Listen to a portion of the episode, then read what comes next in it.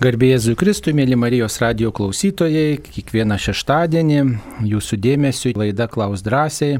E, šioje laidoje dalyvauja Kauno kunigų seminarijos rektorius, kunigas teologijos daktaras Ramūnas Norkus. Sveiki gyvi. Garbėjai Kristui, mėly Marijos radio klausytojai. Ir dalyvauju aš kunigas Saulis Bužauskas. Tiesa, praeitą šeštadienį Klaus drąsiai laidos nebuvo, nes vyko marijatonas. Dėkojame visiems Marijos radio klausytojams, kurie dosniai rūpestingai atsiliepėte į šitą marijatoną, dalyvavote, meldėtės kartu su mumis ir aišku prisidėjote, kas kiek galėjote savo auką.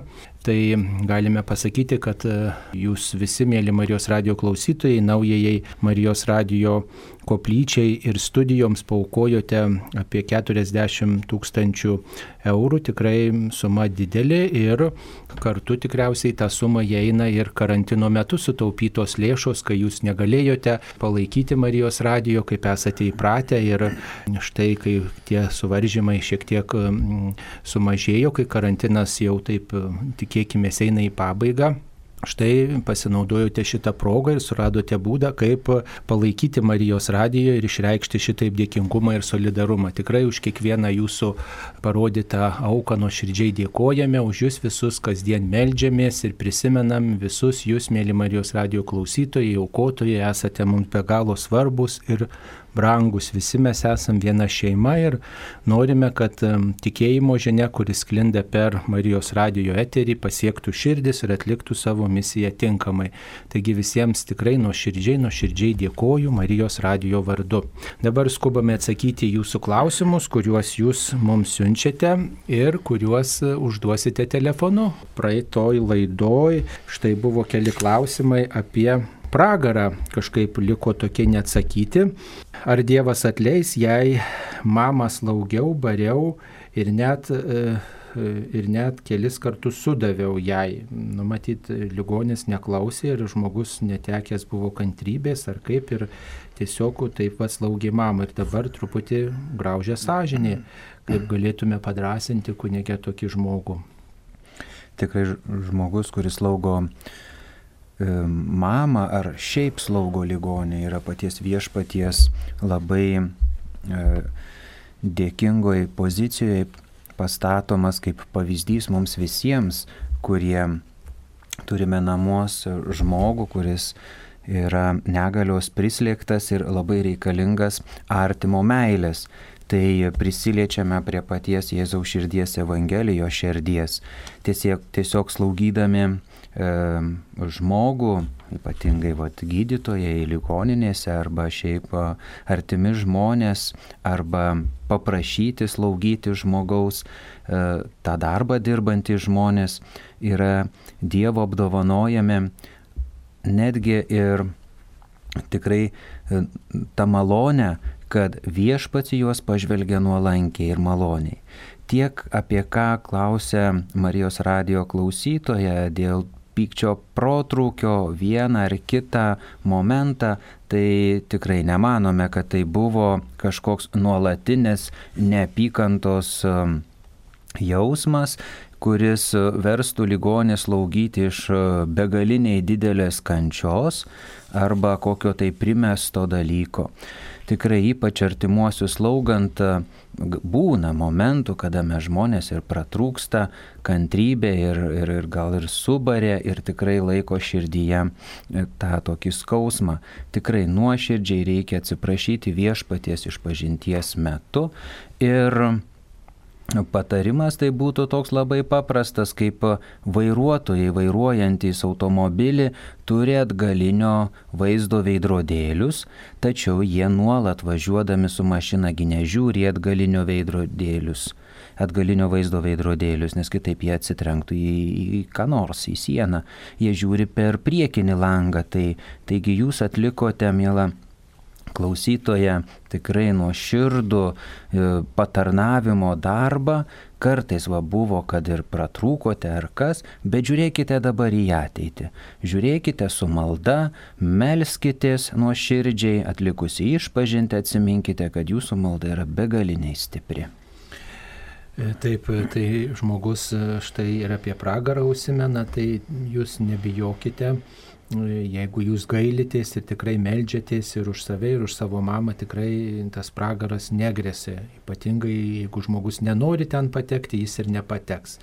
Tikrai jūs buvote gal ir išvargus, ir, ir tiesiog netekus ir kantrybės, ir, ir, ir pusiausviros tokios, tai tas suprantama, aišku, gal ir nepateisina smurto, tačiau e, pasimelskit už savo mamą, kaip mišiuose dalyvaujat ir, ir štai gal ir užsakot mišes už mamą ir tiesiog net ir toje vietoje, kai yra minimi mirusieji mišiuose, prisiminkit mamą, linkėkit jai ramybės, amžino džiaugsmo ir kapinėse tiesiog va taip sutvarkius kapelį pasimelskit ir pasakykit mamą, tavo kūnas čia ilsisi, bet aš myliu tave ir tikrai atsiprašau, jei, jei kažkuo tave įskaudinau, ne taip, netlikau kažko, tikrai viešpatie tavo akivaizdoj e, esu ir myliu tą žmogų, kuris manim rūpinosi. Tai tas toks nuoširdus gailestis ir rūpestis e, tikrai jums teiks ramybę ir ištaisys visus neligumus, kurie buvo tarp mūsų, kol gyvenome žemėje.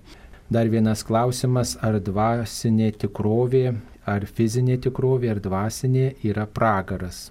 Tai kaip atsakytume, atsakytume tikriausiai, kad e, tai pirmiausia yra dvasinė tikrovė ir to pragaro šiek tiek paragaujam ir dabar, kai, kai tiesiog na, renkamės nuodėmę, kai susidurėm su nuodėmės pasiekmėm, su blogio viso aštrumu, su blogio suvedžiojimu, kai pasiliekam tame blogyje, kai, kai nesirenkam gėrio, kai esam e, kitus atstumę arba atstumti, kai esame egoizme. Tai ir dangus, ir pragaras yra dvasinė tikrovė. Va. Apie fizinį tokios tikrovės egzistavimą tikriausiai patirsime e, tada, kai, kai na, tiesiog peržengsim amžinybės lengsti. Tame tas fizinis tokių tos tikrovės, na, tas bus jau mums kitaip pažįstamas, bet mes tą priimam pirmiausia kaip dvasinę būseną, kad tai yra dvasinė būsena, ne tiek vieta, kiek būsena. Va, ir kaip mm, gailestingas Dievas leidžia būti pragarui. Sakoma, kad pragaro egzistavimas yra kaip tik tai iš Dievo gailestingumo ženklų, tokių paradoksalių, nes Dievas pasigaili to žmogaus ir ne, neverčia jo būti amžinoje meilėje jeigu žmogus to nenori. Tiesiog Dievas nu, priima tokį žmogaus sprendimą ir jam parodo tokį maloningumą. Jeigu tu žmogau nori būti be Dievo, tai ir paragauk tuos vaisius, kurie yra be Dievo. Tai ką reiškia būti be Dievo, ką reiškia nemylėti, ką reiškia nepatirti meilės, ką reiškia pasilikti egoizme, puikybei, ką reiškia atmesti bet kokią meilės apraišką, bet kokios gailestingos ir ištikimos Dievo meilės apraišką. Ta, tai ir yra pragaras, tai tą ir patirs tas žmogus, kuris na, atmeta Dievą. E, tai Tai na, tokia yra ta, tos bažnyčios mokymas ir Jėzus apie tai išsitarė ne vienoje vietoje, kad e, galimas tas pražuvimas būsena be Dievo. Kunigi nebent ką pridėtumėt? Taip, pilnai pritariu, kad tai yra būsena, būsena be Dievo. Taip. Tai e, tikrai būkim ramus ir, ir tikrai traukškim dangaus, mylėkim viešpatį ir, ir nenorėkim pragaro, nesakykim niekada, kad ten šilta, ten jauku, ten linksma kompanija, tai yra viskas, e, kaip sakant, reklama. Žinot, kai būna išreklamuoja kokį produktą ir žmogus nusiperka, įsigyja jį, galvodamas, kad taip ir bus, o iš tiesų ten yra, na, menknekis kažkokia smulkmena, kuri visai to neverta, menka vertė ir ilgai nelaiko, ilgai nedžiugina. Tai panašiai yra ir su pragaru. Visi galvoja, kad ten bus linksma, smagu, tačiau Jėzaus ištarmės ir, ir bažnyčios mokymas liudyja ir galų gale kai kurių šventųjų regėjimai liudyja, kad tai iš tiesų kančia, kuri kuri neturi pabaigos ir kuri neturi jokios vilties, jokios šviesos, jokios paguodos ir jinai yra kančia be dievų. Va, tai e, kas ne, nenori tokios kančios tikrai arba taip gyvena, kad e, stengiasi gyventi, kad tos kančios be dievo išvengtų, to, to blogio išvengtų, kuris atitolina nuo Dievo, tai to pragaro ir nematys, nes Dievas davė viltį visiems mums susitikti amžinybėn ir to mes trokštame ir taip stenkimės gyventi visi. E, taip, dar panaši yra panaši tema yra apie vieną psalmę, toks klausimėlis apie 69 psalmę. Nuo 23 iki 30 eilutės. Čia 69 psalmė yra toksai, na, aimanavimas, bet kartu net ir keršto prašymas, ypatingai tose eilutėse, kurias klausytoja cituoja, 23-30 eilutė.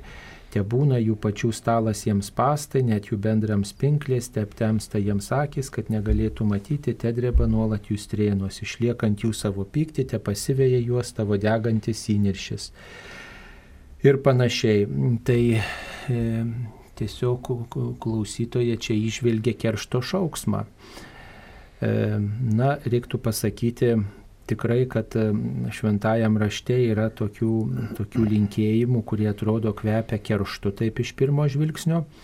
Tačiau negalim sakyti, kad taip vienareikšmiškai vertinti tų eilučių, kuriuose linkima priešams priešams pražūties. Tai daugiau yra konstatavimas turbūt, kad konstatavimas, kad reiškia, jeigu ir ištinka priešus na, tai, ką jie mums linkia arba ką jie patys renkasi. Taip sakant, jeigu jie patys būna liudininkai arba ragauja tuos vaisius, jie, kuriuos jie sėja. Štai tai daugiau apie tai, kad jeigu jie blogį sėja, blogai nusiteikia prieš mus, tai va tegul ištinka tas likimas, ko jie mums linki. Tai va daugiau apie tai. Tiesiog, kad tą, ką sėjam, tą ir pjausime. Jeigu man kažkas blogio linki, tai tegul va tas žmogus ir susiduria su to blogio vaisiais, kad įsitikintų savo klaidą. Kunigė, ką pridėtumėte? Čia šitoje psalmėje turime matyti ir kontekstą. Tiesiog žmogus, kuris meldžiasi viešpačiui Dievui, jisai E, meldžiasi ir yra begalinėje, sakykime, draugystėje arba malonės stovyje, tai yra viešpats maloniai pažvelgęs į jo maldą. Tačiau yra tokių, kurie jam kliudo, kenkia, visai jį drasko čia, apkalbinėja. Tad būdavo seniau net vienuoliai paėmę tokį principą, kad pasakydavo, jog viešpats tegul tau duoda tai, ko tu linki, tam, kad tu suprastum, ko netenki. Tai e, tiesiog ir matosi čia šitas tarsi toks, kad, na, galim iš pirmo žvilgsnio galvoti, kad tai toks prakeikimas, bet viešpačiui yra visos sielos be galo mylimos, be galo jisai dėl jų kentėjo ant kryžiaus ir savo sūnų Jėzų Kristų paukodamas tai aukai mums visiems parodė išganimo kelią.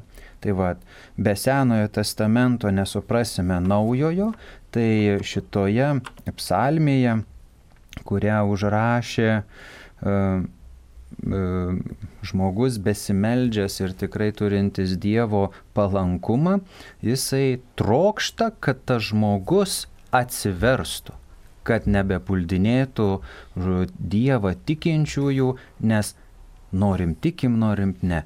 Vis tiek esame Dievo sutverti, vis tiek, vis tiek mes turime sielą ir vis tiek mes po mirties nemirsime. Tad kur gyvensime? Tai čia tas psalmistas tiesiog ir prašo viešpaties, kad tu sukriesk jo širdį taip, kad jis atsiverstų. Taip, ačiū. Dabar turime skambutį, kasgi mums paskambino. Stefanija iš Skudvilės. Taip, Stefanija, jūs eterija, klauskite. Alio. Taip, girdime Stefaniją. Per amžius amen. Per amžius amen. Aš noriu paklausti šitam skausmingose dalyse, skausmingoje daly, ketvirtoje paslapti, kaip girdim, kad Jėzus ramina verkiančias moteris. Ir jau senai aš tą girdžiu ir vis įdomu man, kaip paaiškysit, kad laimingos bus negimdžiusios, laimingos nežindžiusios, bet mes tai moterys, motinos turim jau ir anūkų ir pronūkių. Ir, ir kodėl mums man neaišku kodėl taigi pasaulis nebūtų egzistavęs jeigu ne, ne viena negimdytų nežindyto nu va kaip gražu, kad jūs rūpinatės. Taip, iš tiesų pasaulis neegzistuotų, jei moteris negimdytų, iš kurių atsirastų vaikai. Nu, pirmiausiai, moteris, matydamos Jėzų, tikriausiai jos buvo tos, kurios buvo ir mokinės, ir klausytojo, klausytojos Jėzaus, ir kartu bendravo su Jėzumi ir, ir klausė jo žodžio. Ir žinot, jos gailėjo, kad štai Jėzus kenčia, Jėzus nekaltas, jis nieko nepadarė, o, o štai kaip paskutinis piktadaris yra skriaudžiamas ir dėl to jos verkė, tiesiog jo gailėjo ir tiesiog nesuprato, kad Jėzus ne tik tai dėl savęs kenčia, bet jis kenčia už mus visus, kenčia dėl to, kad mes lengvabūdiškai gyvenam, kaip, kad mes tiesiog esame na, lengvabūdžiai renkamės nuodėmė ir dėl to pasakė, kad verkite ne manęs, bet labiau savo vaikų.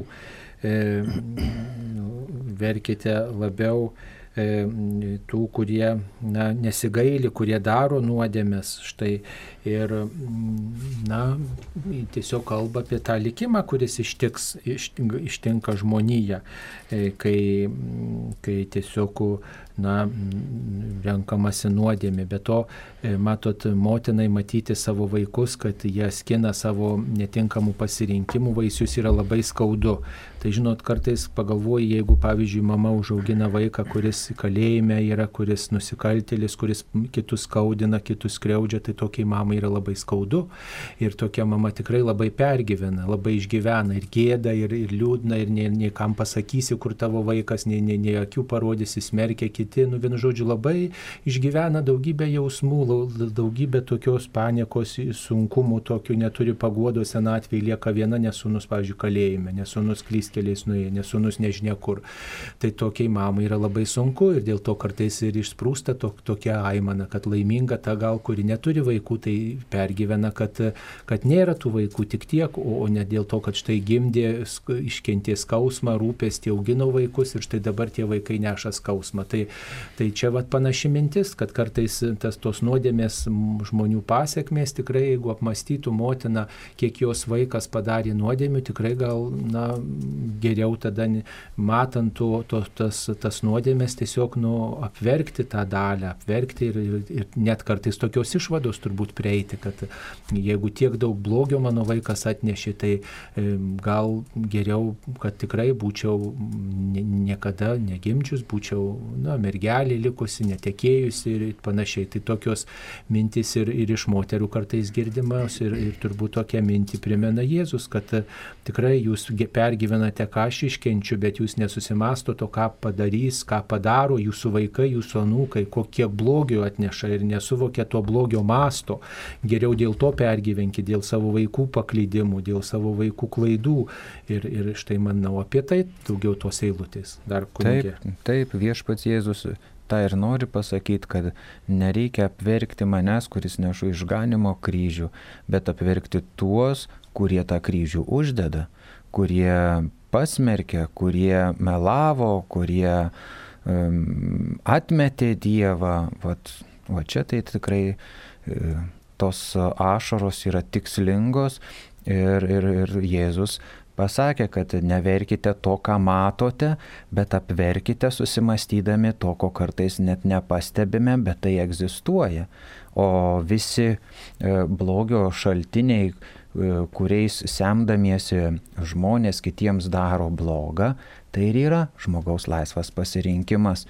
O tas pasirinkimas nuveda į tai, kad po to mamos uh, tikrai širdgėlai, uh, širdyje tokią širdgėlą turi, kad mes, nu, iš šono žiūrėdami tikrai nemokam net įvardinti. Tai yra tylus, E, tėvų ir mamų skausmo nešiojimasis kiekvieną dieną. Todėl čia šitoj paslapty, kai apmastome, Jėzus ramina verkiančias moteris, visuomet prisiminkime tas mamas, kurios pergyvena ir verkia dėl savo vaikų, kurios e, pergyvena ir verkia dėl to, kas nutiko jų vaikams, nes kažkieno vaikai buvo kaltininkai dėl jų vaikų žlugimo, mirties, traumos, negalios ar dar kokio kito sunkaus, sunkaus sužalojimo, dvasinio ar fizinio. Taip, tai ačiū. Dabar dar vienas klausimas yra toksai, ar nuodėmė yra kapstytis po jau išpažintas nuodėmės, dar kartą išpažinti, ar neužrūstinsim Dievo nepasitikėjimu, nes jis jau kartą atleido. Tai aišku, kad tai yra nepasitikėjimas Dievo gailestingumu, toksai skrupulingumas gal kartais ir, ir toks polinkis knaisiutis praeitįje. Tiesiog išpažinau, jeigu atvirai išpažinau, neverta prie to grįžti. E, kartai žmonės sako, ai nepakankamai išpažinau, ai nepakankamai ten pasakiau, gal kažkas paaiškėjo ten daugiau.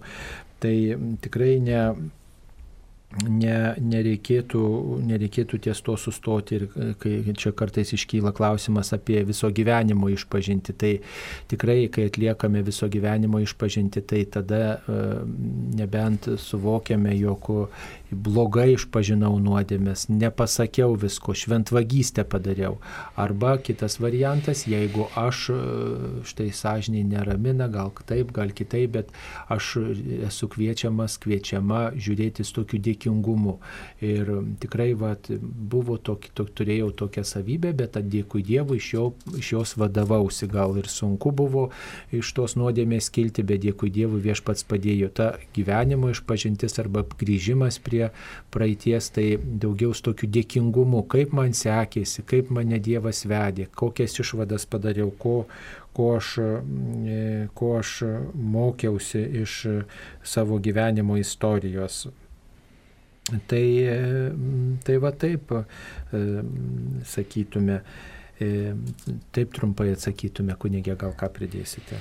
Taip, dėl kapstimuose po senas nuodėmės tikrai reikia tikėti Dievo atleidimu. Kartais žmogus galvoja, kad ėjau iš pažinties, pasakiau va tokias ir tokias nuodėmės ir man kunigas pasakė sukalbėk tris kartus tėvę mūsų. Tik tais. Taigi aš padariau tą ir tą, čia man reikėjo rožančių savaitę kalbėti ar dar kažką ne žodžiuose esmė, ne atgailos esmė, bet mūsų širdies nusiteikime, kai mes einam iš pažinties. Ar mes tikrai tikime, jog prie, einame prie paties Jėzaus Kristaus? Mes kunigai esame tik tarpininkai ir išpažinti nuo širdžiai nuodėmės prieš viešpati Jėzų Kristų jau reikia prašyti ir šventosios dvasios malonės, kad jinai mus vestų prie tokios išpažinties.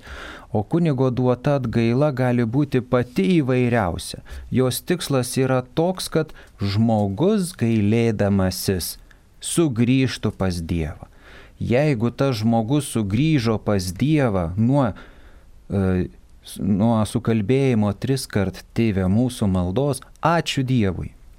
Kitas žmogus grįžta pas Dievą, kai nuskrenda su lėktuvu į Tel Avivą ir nuvykęs į šventąją žemę pavaikšto tomis pėdomis, kur pats Jėzus vaikščiojo ir jis sugrįžta pas Dievą. Tai reiškia, jo atgaila buvo kelionė į šventąją žemę. Tai tiesiog esmė yra sugrįžti prie viešpaties Dievo, o senas nuodėmės palikime tikrai Dievo gailestingumui. Jeigu atliekame viso gyvenimo išpažinti, labai yra svarbu e, peržvelgti ne tiek, kiek e, pačių nuodėmių skaičių arba jų e, pobūdį, bet pačią logiką, kokia tu gyveni, kokia logika vadovaujasi gyvenime kokia dvasia eini per gyvenimą. Ar tai yra Jėzaus Kristaus dvasia? Ko trūksta, kad aš negaliu eiti taip, kaip viešpaties Jėzaus gailestingoji širdis mus moko? Taip, tai nesikapstykite, o pasitikėkite Dievo gailestingumu, dėkokite Dievui ir tikrai geriau, žinot, kapstytis va taip, kai kiekvieną kartą pradeda mišes, atgailos nuotaiką išgyventi, kad štai buvo visko, bet aš gailėjausi Dievę, bendrai išgyvenu su visais ir, ir trokštų viešpatie tavo gailestingumo. Visada reikia svarstyti, kad Dievo gailestingumas yra didesnis už mano nuodėmės. Dievui netiek svarbu mano nuodėmės, kiek svarbu, kiek aš jų noriu vengti štai kaip dabar gyvenate, kaip dabar taisote. Tikrai padarykit kokį gerą darbą, reguliariai pasninkaukit ir tokiu būdu mes dildom nuodėmės, va, praeities, o kad ten kapstysimės, vėl, vėl ir vėl prisiminsim, tai čia niekam dvasinės naudos, nei Dievui garbės iš to nebus. Taip atsakytume, ačiū Jums. Dabar dar toks klausimas yra apie Taip, apie giminės genealoginį medį. E, dažnai ateina mintis melstis už giminės genealoginį medį, už karuose žuvusius ar žudžiusius, už giminės savižudžius, už aborto aukas, kokias maldas melstis. Na tai e, aišku, galbūt ir yra specialių maldų, e, atleidimo maldų, tokių išgydymo maldų, jų galima rasti internete, tačiau gal nereikėtų ko, tiesiog taip koncentruotis į kažkokias ten, kad tokią maldą sukalbėsiu, tai jau padės, o tokia tai jau bereikšmė. Malda, matot, jeigu jinai palydima gyvo tikėjimo, jinai veikia. Galima melstis ir keliais žodžiais viešpatie pasigailėk, viešpatie trokštų tavęs ir ir, ir, ir, ir su tikėjimu didžiu ir tikrai sulaukti pagalbos. Tai daugiau reikėtų tokį reguliarumą gal turėti, reiškia, savo maldų mm, dienotvarkiai, bendrai gal kiekvienai dienai turėti kažkokias intencijas, pavyzdžiui, susidaryti ir galima vieną dieną melstis už savo giminės, kurie neseniai mirė ir už seniai mirė, seniai mirusius ir tokiu būdu, jeigu mišiuose dalyvaujam ir, ir mišiuose melžiamės ir įvairias maldas sukalbam, kiekviena malda, jeigu su tikėjimu tikėjimu į, į Dievą kreipiama yra vertinga ir gera. Žinoma, jeigu tik teisingai, na, teisingai sudėta ir dėl to melžiamės iš maldaknygių, kurios yra aprobuotos viskupų konferencijos, va, bet jeigu ir kokią klaidą įvelsite, privačiai melzdamiesi, bet nuoširdžiai tikėdami, tikrai dėl to nepergyvenkite, viešpats jūs, viešpats jūs supras ir išklausys. Aš kai mokiausi Romoje, mes turėjome tokias studijas apie angeologiją. Tai reiškia apie angelus, o tai buvo kalbama apie geruosius ir bloguosius. Tai kai kalbėjome apie bloguosius angelus, tai buvo atėjęs į mūsų paskaitą tėvas Amortas, kuris Italijoje visų egzorcistų tėvų yra vadinamas. Tai jisai apie giminės medį irgi buvo užsiminęs ir jisai sakė, kad na, jo praktikoje giminės medis dažniausiai, kada žmonės kreipėsi į jį dėl giminės medžio, būdavo atsiųsti, na, kokių nors žmonių, kurie užsima prietarais ar, ar, ar, ar kokiais būrimais nes giminės medžio pati teologija ar savoka, e, jis mums tai pasakojo, e, žmogų veda į tai, kad tavo gyvenimas yra nulemtas dėl seniau padarytų tavo protėvių, protėvių, protėvių nuodėmių, už kurias tu dabar turi atsiskaityti, atpirkti jas arba kaip nors kitaip ištaisyti. Tai mus jisai mokino tiesiog tokiems žmonėms patarti, kad ateinant į šventasias mišes, mes melžiamės už mirusiuosius, kad Dievas jiems atleidęs kaltes priimtų juos į amžiną išganimą. Ir čia yra taškas. Ir čia reikia pasitikėti Dievo galybę, bei žmogus, kuris eina nuolat išpažinti. Ta prasme, kad kuris būna malonės stovėje, tai eina iš pažinties, kada tikrai jau reikia, ir priima šventąją komuniją, yra laisvas nuo tokių dalykų. Tai dėl giminės medžio norėjau tik tai pasidalinti ir tuo, ką mus mokė tada Romoje. Taip, ačiū. Dar vienas klausimas apie popiežių. Ar yra buvę panašių atvejų bažnyčios istorijoje, kai tuo pačiu metu yra gyvi du popiežiai? Kokie tai atvejai? Tai e, iš istorijos žinome, kad vienas toks atvejis yra buvęs 13 amžiuje.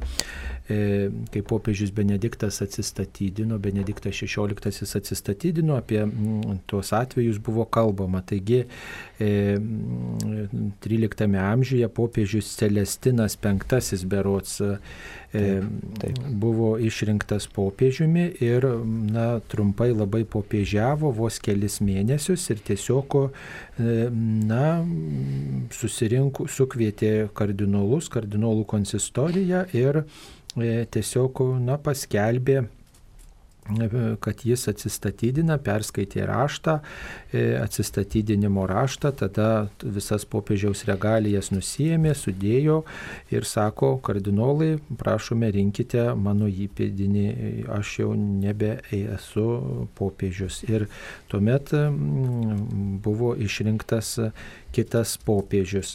E, taigi, galima sakyti, dar Celestinas kurį laiką tikriausiai buvo gyvas, tiesa, jisai greitai po to atsistatydinimo mirė e, keliems metams praėjus. E, bet, bet tik kurį laiką tikriausiai buvo du popiežiai. Na taip pat dar atrodo maždaug 15 amžiuje buvo toks Grigalius, popiežius Grigalius XII, kuris taip pat buvo išrinktas e, popiežiumi, kai tuo metu e, buvo bažnyčioje toksai skilimas, galima sakyti, na, ta pasidalinimas buvo, Avinjono buvo kardinolų kolegija ir taip pat Prancūzijoje ir kiti kardinolai Romoje ir vieni pasisakė už tai, kad popiežius turėtų būti, reiškia, Avinjone, Prancūzijos įtakoje, kiti, kad Romoje, na ir, ir vieni ir kiti rinko popiežių ir vienas iš jų buvo Grigalius, dvyliktasis ir jis buvo, na, vat, išrinktas tą sąlygą, kad jeigu pavyks susitarti, kad vis tiek reikės vienam kažkuriam atsistatydinti popiežiui. Nepri neprisimenu kito popiežiaus pavardės, tačiau tas Grigalius, na, va, su tokia sąlyga priemė tą tarnystę, kad jeigu, va, štai taip atsitiks, kad susivienysim, kardinolai susivienys, tai atsisakys savo, na, to išrinkimo. Na, galiausiai taip ir įvyko ir jis atsisakė savo išrinkimo, tik neprisimenu, koks tas kitas buvo popiežius. Na, gal ir dar buvo istorijoje, tačiau šitie patys tokie garsiausi atvejai. Gal kunigė dar kažką pridėsite? Na, tiek, kad kada buvo atsistatydinęs Celestinas V, tai e, po jo buvo išrinktas Benedikt, uh, atsiprašau, kitas popiežius, kuris ėjo tas pareigas, apie tai buvo kalbama plačiai, bet dabar tiesiog vat, prieš Marijos radio eterį ir užmiršau tą vardą. nu taip, tai tiesiog tuo metu buvo keli popiežiai, vienas reiškia tas, kuris atsistatydinės, o kitas, kuris jau išrinktas kardinolų kaip naujasis, panašiai. Ir dabar turim tokią, kad e, padėti Benediktas XVI atsistatydino ir teisėtai išrinktas popiežius Pranciškus, kuris dabar yra mūsų popiežius, o Benediktas XVI yra kaip popiežius, na taip tariant, pensininkas, tas, kuris štai nebeina aktyviai pareigų, bet tiesiog meldžiasi, malda palydė bažnyčios misiją ir gyvena kaip bet kuris na, dvasininkas, kuris savo tarnystę, aktyvę tarnystę yra užbaigęs. Tai va, buvo išrinktas popiežius Bonifacas VIII, jisai taip pasivadino ir popiežiumi išbuvo devynerius metus iki mirties. Taip, ačiū. Dar vienas klausimas. Mm, Bute po manimi gyvena raganaujanti moteris, buvo sutrikęs miegas, neaugo gėlės ir panašiai. Buvom pakvietę kunigą, nepadėjo, bet pasaulietis patarė po lovomis padėti po kryželį, taip ir padarė. Miegai sugrįžo, dingo vaikų kaprizai, auga gėlės, dingo kai kurie somatiniai kūno negalavimai. Bet kryželiai dar po lovomis. Ar tai labai blogai? Melstis už tą raganą neketinu. Na tai čia reikėtų jau, žinot, daugiau gal klausti egzorcistų tokio klausimo, kunigui Valkauskui perduosime šitą klausimą, bet sakyčiau, jūs, žinot, Dievo, dievo veikimo nepribokite, jeigu tikrai buvo malda, jeigu tikrai buvo uh, buvo tam tikras ir namų pašventinimas. Tai yra labai išmintinga, kad jūs kvietėt kunigą, kad buvo kalbamos maldos.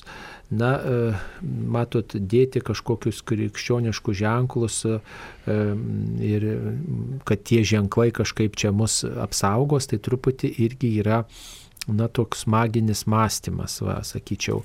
E, mus apsaugo ne tas pats ženklas, mus apsaugo apskritai tikėjimas, Dievo galybė, mus apsaugo Dievas. Ta ženklas tik primena Dievo, Dievo, Dievo asmenį.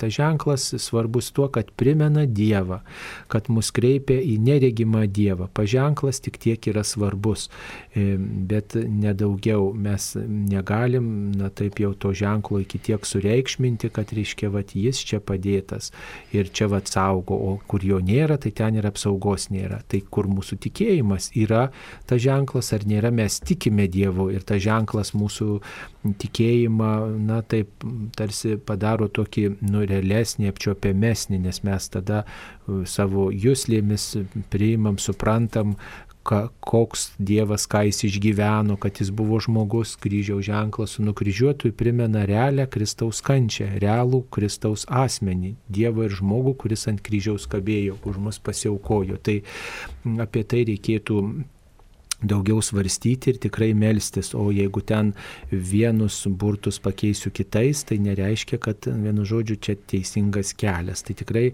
reikėtų daugiau apie gyvą tikėjimą kalvoti ir ir apie santykių su Dievu, o, o šiaip tai, tai moteriai, kuri užsima tokiais dalykais, tai na, reikėtų vis dėlto melstis. Blogai, kad neketinate melstis, tai reiškia, turi didelio tokio priešiškumo jai. Nepritarti jos elgesiu, bet kaip žmogui linkėti gerą. Viešpaties siūsk šventą dvasę ir padėk Nu, padėk na, baigti tas netinkamas praktikas ir rinktis nuodėmę ir blogį. Tikrai mes esam kviečiami melstis už tuos žmonės, kurie na, priešiškai nusiteikę, kurie blogą linki, nes melzdamiesi, gerą darydami, mes krauname žaryjas tiems, kurie mums blogą linki, kaip sakoma. Tai, tai gerą rinkdamiesi mes stojam Dievo pusėn, o jeigu neketinu melstis, tai reiškia aš savo širdį išsaugau abejingumą arba panieką tam žmogui. Tai irgi ta pati nemailė, kuri kliudo Dievo maloniai veikti jūsų gyvenime. Kunigė dar pridėkit ką nors. Taip mūsų tikėjimas yra be galo svarbus, kada mes e, turime prieš save kryžių. Ta kryžių be tikėjimo galime įsitatuiruoti ant rankos, galime nusipiešti ant kokio dar kažkokio, ant sienos ar dar kur nors ir tai gali būti simbolis, kuris kabo mašina ant veidrodėlio, kuris mus apsaugo ar dar kažką. Bet tikėjimas Jėzumi Kristumi ir šventosios komunijos prieimimas gyvenimas e, šventojoje dvasioje, na nežinau, kokia turi būti ta magija, kad mus paliestų. Neįmanoma. Dievas yra stipresnis. Nes bet kokie burtai, jie neina su Dievu. Neina. Tiesiog tie, kurie, vat, ar tai blogo linkia, ar dar ką nors, nu su kuo jie eina. Su velniu, tą reikia pasakyti. Eina su velniu ir Velnas yra drebantis net prieš mergelę Mariją, kuri savo kulnėms sutraiškis jam galvą. Tai tikrai malda, rožinės, tegu būna jūsų pats mylimiausias dalykas jūsų rankose, te būna šventosios mišios tikrai iš meilės ateitos į šventasias mišes, ne iš kažkokios tai prievolės ar, ar kažkokio tai e, reikalavimo įvykdymo, sekmadienio pareigos įvykdymo ateikite iš meilės. Aš tave viešpatė taip myliu, jog tikrai noriu su tavim gyventi. Kad su tavim gyventi tu sakėjai, jog pasilikai duonoje ir tai yra tavo kūnas ir kraujas. Tai va, aš noriu su tavim vienytis tavo kūnu ir krauju. O tai yra stipriausia. Taip, ačiū. Dar vienas klausimas apie tinginystę. Kaip įveikti tinginystę? Tai, apie tinginystę, mėly klausytojai, galite paskaityti tokiuose knygose pavojingos aistros mirtinos nuodėmės, kuri parašyta Denis Okholm. Ir taip pat jau seniau išleista tokia knyga Aistros įveika - askezės ir psichologijos metodais. kunigų egzorcistų rekomenduota knyga, labai tinka, ten visos septynios didžiosios nuodėmės aprašytos, o jeigu trumpai, tai tinginystę įveikiame tokiais žingsniais. Pirmiausiai e, reikėtų susiplanuoti dienotvarkę ir tą dienotvarkę stengtis įgyvendinti. Toliau džiaugtis mažais pasiekimais savo gyvenime, motivaciją auginti, kodėl vienas ar kitas darbas reikalingas, kodėl vieną ar kitą užmojį e, turėčiau daryti. Aišku, tas kartojimas įprastų dalykų taip pat e, tinginystę išdildo. Na ir bendruomeniškumas, ryšys su kitais žmonėmis taip pat e, gali padėti tinginystės išvengti.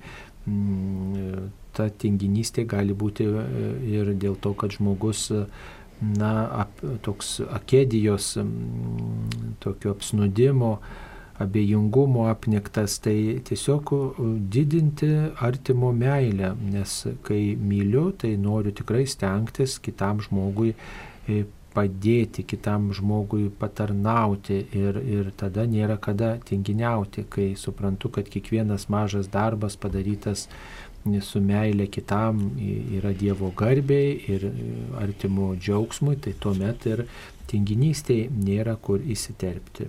Kunigė dar ką nors pridėsite? Taip, tinginystė ir šventajame rašte yra nesvetimas dalykas. Žiūrėkite, Dovydas, kol buvo kare, neturėjo jokių gundimų. Tik tais taikos metu, kada neturėjo ką veikti, jisai neatlaiko išbandymams. Tai e, lygiai tas pats ir Saliamonas, kol statė bažnyčią, neturėjo jokių gundimų, bet po to, kai jau nebeturėjo ką veikti, vėl suklumpa. Taigi šventam rašte užimtumas yra didelis dalykas ir ką daryti, kada užpuola tokia mm, tinginystė arba apatija viskam. 13 amžiuje vienas vienuolis yra pasakęs, kada jam atėjo ir pasakė, kad aš, kitas vienuolis pasakęs jam, kad, na, aš labai kenčiu nuo tinginystės ir mano celėje nėra ką veikti. Tai jam buvo atsakyta tai, kad tu dar kol kas nesuvoki tos ramybės, kuri, kurios mes ilgimės ir net neįvertini tų pavojų, kurių mes bijome. Tai kada žmogus būtų papuolęs kur nors įkritęs į vandenį, tai jisai tiek stengtųsi, kad iš jo iš, iš, išplaukti ir žinotų, kad to, jeigu to nedarys, jisai nuskęs. Lygiai tas pats ir dvasiniam gyvenime malda yra jau darbas, ne vien tik tai Marija ir Morta, tas pavyzdys, kur viena dirba, laksto aplinko, kita tik klausosi viešpaties, yra kaip pavyzdys, bet tikrai realiam gyvenime malda yra be galo svarbi. Jau kovojant ir tai, kas gali nutikti, jeigu nesimelstume. Ir iš viso širdies trokštant sielos išganimo, Ir kada pažengsime žingsneliu į priekį, tai tik ne vien savo, bet ir šalia esantiems. Kaip vienas kunigas sakė, kad pažinojęs e, seną kunigėlį, kuris e, skaitydavęs laikraštį ir nuolat besimelsdavęs už tai, ką ten perskaito. Paima laikraštį, mato, kas šiandien vyksta ir skait ir meldžiasi už juos net su ašarom. Tai iš čia Iš to išplaukia, kad tikrai tinginystės nėra. Tada jau turime darbuotis. Jeigu mes esame viešpaties pakviesti ir pašaukti nešti gerąją naujieną, tai neškime ją malda, kai galėsime žodžiais ir kai pasitaikys proga ir darbais. Taip, ačiū. Mums paskambino. Algis iš aukštaitijos. Taip, Algi, klauskite. Garbė Kristui. Per amžius. Aš norėjau paklausti, kodėl bažnyčios apieigose arba leidžiant maldynus neplatinama profesoriaus Stasio Šalkauskio parašyta Šventosios dvasios litanija. Ją teko užtikti tik tai užsienio lietuvių maldynuose ir 1987 m. katalikų kalendorių žinynė. Tai labai literatūriškai meninė su dvasingom invokacijom ir galbūt tai jinai kažkokia dar nepatvirtinta, ar jinai kažkokia neoficiali ir ar, ar šiaip litaniją gali parašyti bet kas. Tik tiek, ačiū. Nu, matot, mielas klausytojau, jūs truputį klystate, nes litanija, šventosios dvasios litanija yra kiekviename maldyne, kuris yra na, išsamesnis, platesnis. Gal jūs žiūrite labai plonus maldynus, tai aišku, į mažus maldynus neįtraukiamos visos litanijos, įtraukiamos tos, kur dažniausiai naudojamos Jėzaus širdies, švenčiausios mergelės Marijos, visų šventųjų, gal dar kokia. O, o štai, kurie maldynai yra tokie išsamesni, štai leidžiami katalikų pasaulio, va tie didieji liturginiai maldynai, tai juose visuose yra juose visuose yra šventosios dvasios litanija. Tik tai galbūt jūs ieškote skirelyje prie litanijų, tačiau e, leidėjai ne prie litanijų tą mm, šventosios dvasios litaniją įtraukia, bet prie devindienių ir pamaldumų praktikų, kaip tenka maldaknygėse atrasti, nes dažniausiai šventosios dvasios litanija meldžiamasi, kai, e, na, devindienį e, tam tikrą intenciją žmonės pasirenka kalbėti. Tai, e, tai ten yra ir, ir, ir daugiau tų litanijų įvairiems šventiesiems. Kažkodėl maldino sudarytojai tai pasirinko, tačiau išsamei analizuodami maldaknygės tikrai šventosios dvasios litaniją surasite. Taip, tai yra Stasio Šalkauskio sukurta litanija. Aišku, litanija sukurti gali kiekvienas žmogus, tačiau ne kiekvieno sukurta litanija tinka na, visiems melstis. Galbūt savo žmogus susikūrė ir meldžiasi, tai čia jo privatus pamaldumas, tačiau e, viešam naudojimui reikia tam tikro patvirtinimo, kad nesimelstume kažkokiom na, tikėjimui priešiškomis mintimis. Tai e, jinai yra probuota, jinai yra patvirtinta viskupų dar, dar dar prieš, prieš karą patvirtinta ir jinai yra sėkmingai naudojama bažnyčios praktikoje ir tikrai kiekvienam maldynė, didesnėme maldynėje jūs ją rasite. Taip ir tais metais, kai 1934 metais čia Kaune įvyko nacionalinis Eucharistijos kongresas, po to jis nuvilnėjo, nuvilnijo į kitas viskupijas, Tai panašių metų, gal klystų keliais metais, Amerikoje ir buvo įsikūręs, įkurtas gyvosios dvasios sąjudis. Tai va tame sąjudyje tikrai Šalkauskis yra parašęs šventajai dvasiai skirtą litaniją, kuri atliepė į to meto jaunimo ir tenai sąjūdžio dalyvių, na, tokį samoningesnį išgyvenimą, nes e, nuolat kartoti ir tą, pa, tą pačius žodžius, jisai norėjo, kad ne vien tik iš maldaknygės, bet ir kitų požiūrių pažvelgtume į šventąją dvasę.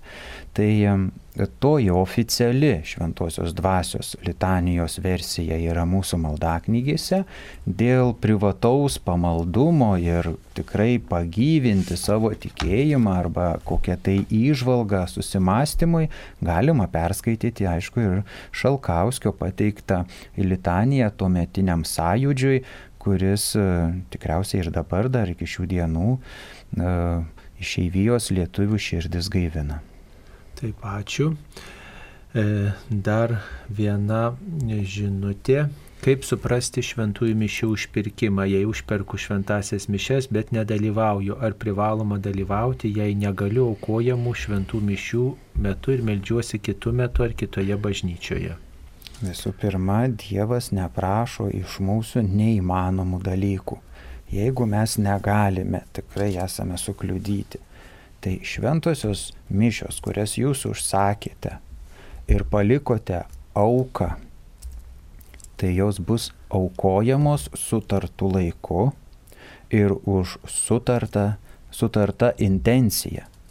Jūs būdami sutrukdyti arba kažkurioje kitoje vietoje, bet ne bažnytėlėje, tikrai junkitės į bendrą maldą.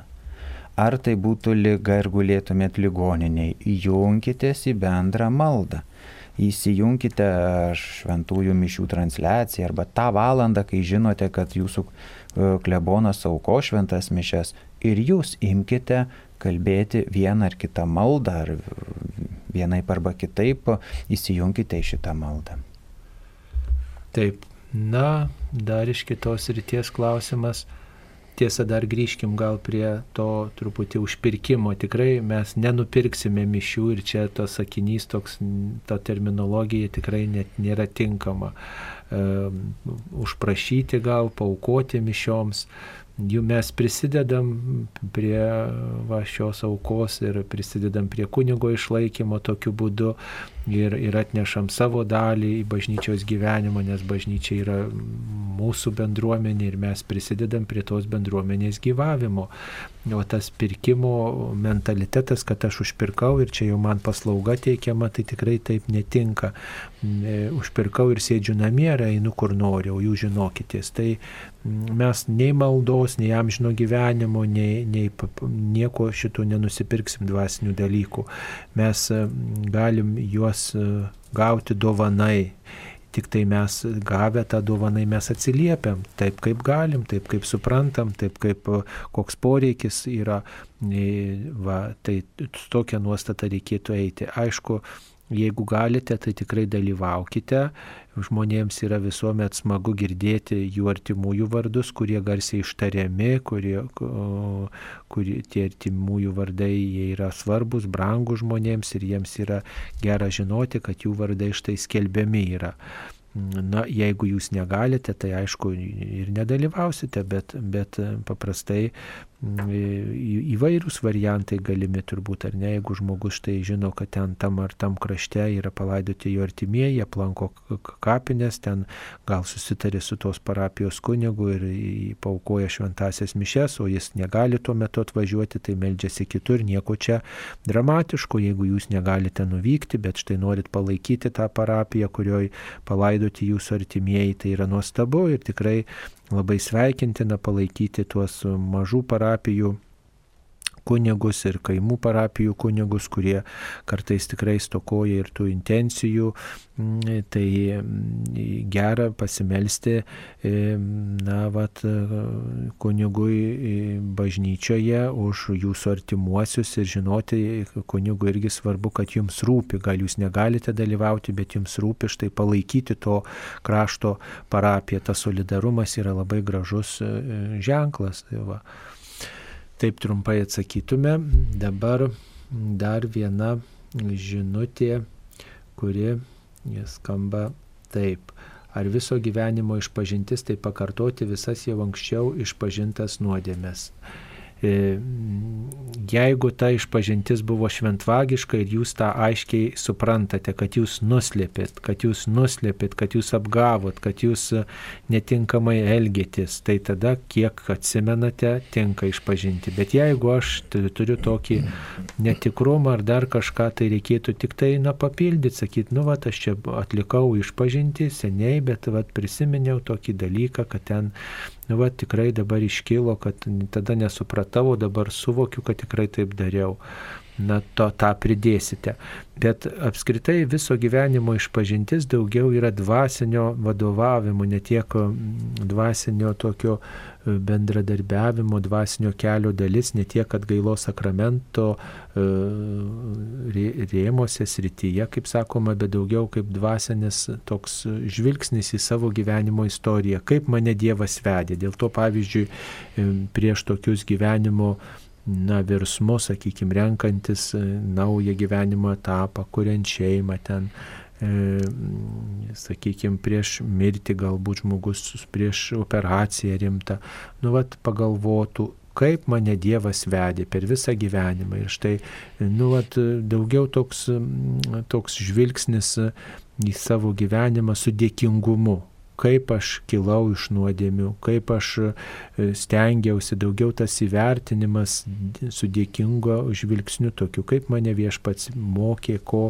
ką supratau, kaip augau, kaip pavyko, ar ten nepavyko galbūt, bet tokiais, va, tokiais nu, dideliais, tokiais e, tokiais, na, tarpais, kaip sakyti, aspektais tokiais nesismulkinant, nes jūs neišpažinsit visų nuodėmių, kurias jūs atsimenat. Per metus čiagi užmiršti, ką padarai, o kaip čia iš viso gyvenimo, čia neįmanoma, tiesą sakant, atvirai kalbant, neįmanoma atlikti viso gyvenimo išpažinti, tiesiai šviesiai sakau.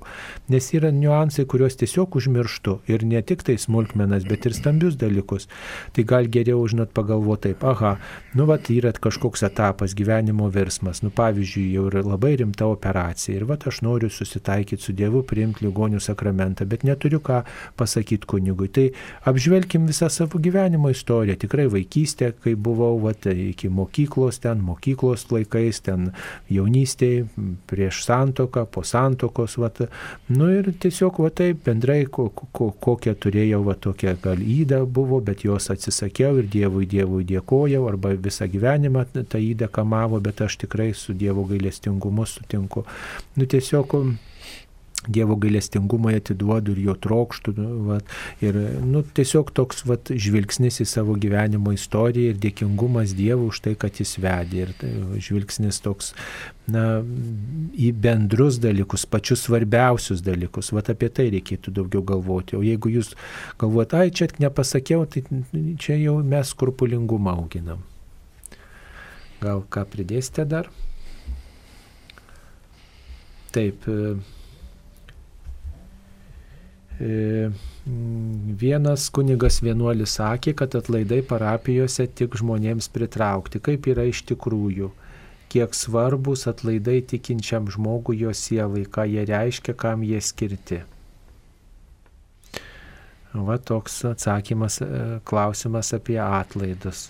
Na, jisai čia labai gerai mums tinka po šitos po šito klausimo apie gyvenimo išpažinti. Taigi nuodėmės yra atleidžiamos, bet jų pasiekmes, na, išlieka. Tai atlaidai yra tų pasiekmių išdildinimas. Ir mes kitą kartą net nežinome, kiek toli galėjo nukeliauti mūsų vienas ar kitas pasakytas žodis, elgesys ir kiek tai galėjo sutrikdyti žmonių sielas ir per atlaidus būna dažniausiai taip, kad mes ateiname į šventasias mišes, atliekame išpažinti, priimame šventąją komuniją ir atlaidai turi savo temą. Titulą ar dar kokį tai bažnyčios ar, ar šiaip kokį tai darbą, tai visa tai yra skirta jog žmogus labiau sugrįžtų prie paties viešpaties Dievo ne vien tik tais pasakytų žodžiu, bet ir žingsniu, darbu, maldos, gal kokia tai praktika. Ir, na, pirmosios komunijos vaikams, kai yra sunku suprasti, kas tai yra tie atlaidai, tai aš kartais tokį paprastą pavyzdį jiems papasakoju. Mes dažnai kunigai vilkime tokį baltą rūbą, kamžą, tokį iki pusės, e, iki juosmens. Ir sakau, jeigu dabar vaikai kas nors paimtumėte į mane ir mestumėte kokį tai purvo ir jis priliptų prie tos kamžos, tai aš palaukčiau biškutėlį, tas purvas nudžiūtų ir aš jį ištrupinu, tą kamžą. Tai, bet ar ta kamža jau švari? Nu, vaikai dažniausiai purto galvą, ne kunigėlį nešvari. O tai ką reikia daryti, kad tai būtų švari? Tai meta mama, sako, į skalbimo mašiną. Nu tai panašiai gal galima labai paprastai žodžiais ir pasakyti, kad tikrai e, tą purvą, tas nuodėmės atleidžia mums per išpažinti, o pačias pasiekmes tos nuodėmės tikrai mes e, turime atleidimą per atlaidus. Ir atlaidai yra reikalingi, at, atlaidus labai kaip pasakyti, ragina ir pati bažnyčia, net išleidus yra knygutė atskira, dėja jos neturime lietuvių kalboje, bet apie atlaidus, kur ir kokiam progom žmonės gauna atlaidus remiantis visos bažnyčios lobynų.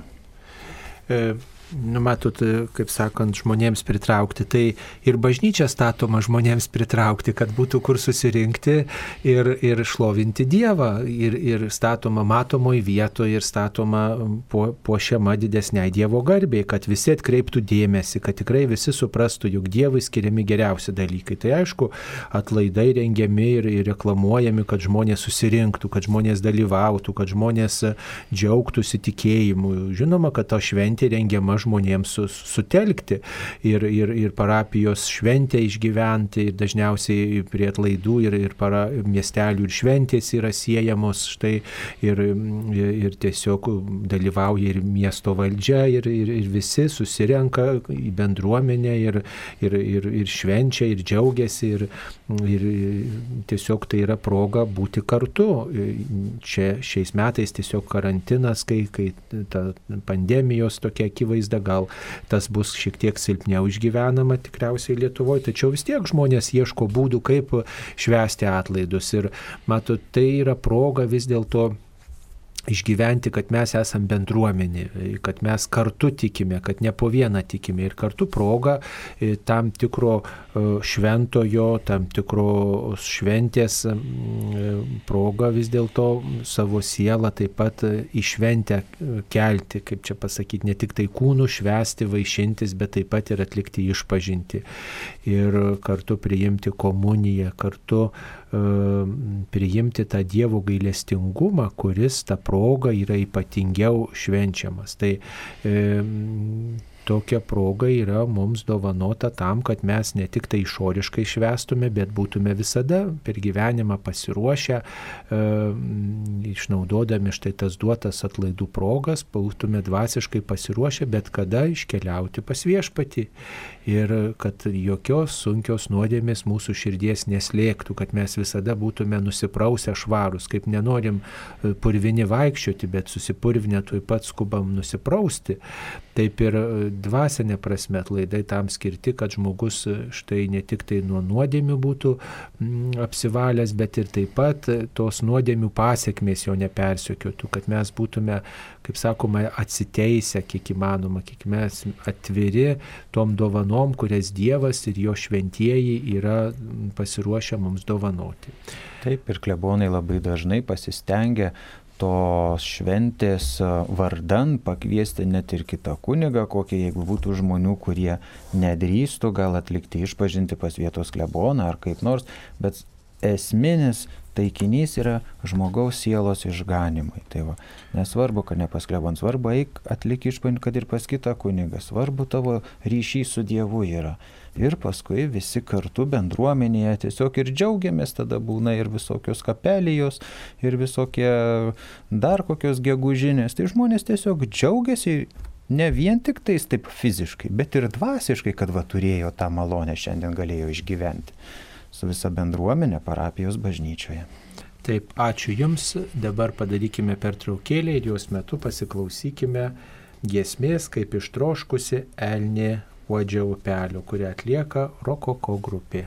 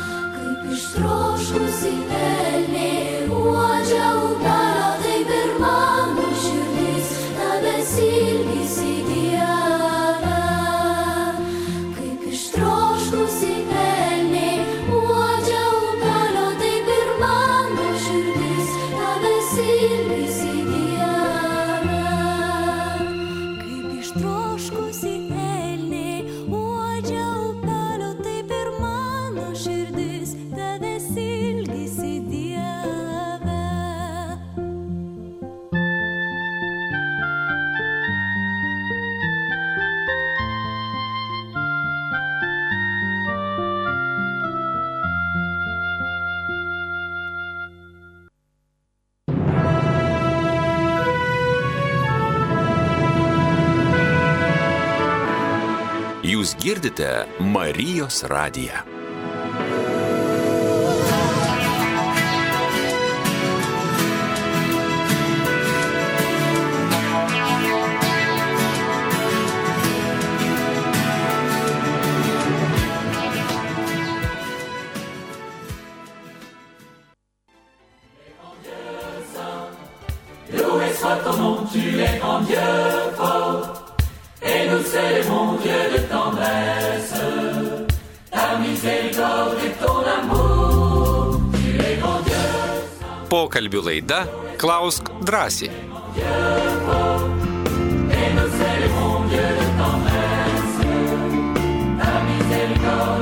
Amour.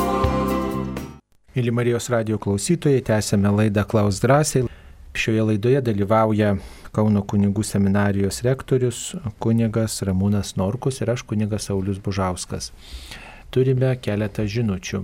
Sekmadienį švesime švenčiausiąją trejybę. Ką mums sako asmenų trejybės tiesa apie trejybę? Ką apie tai kalba prigimčių trejybės tiesa?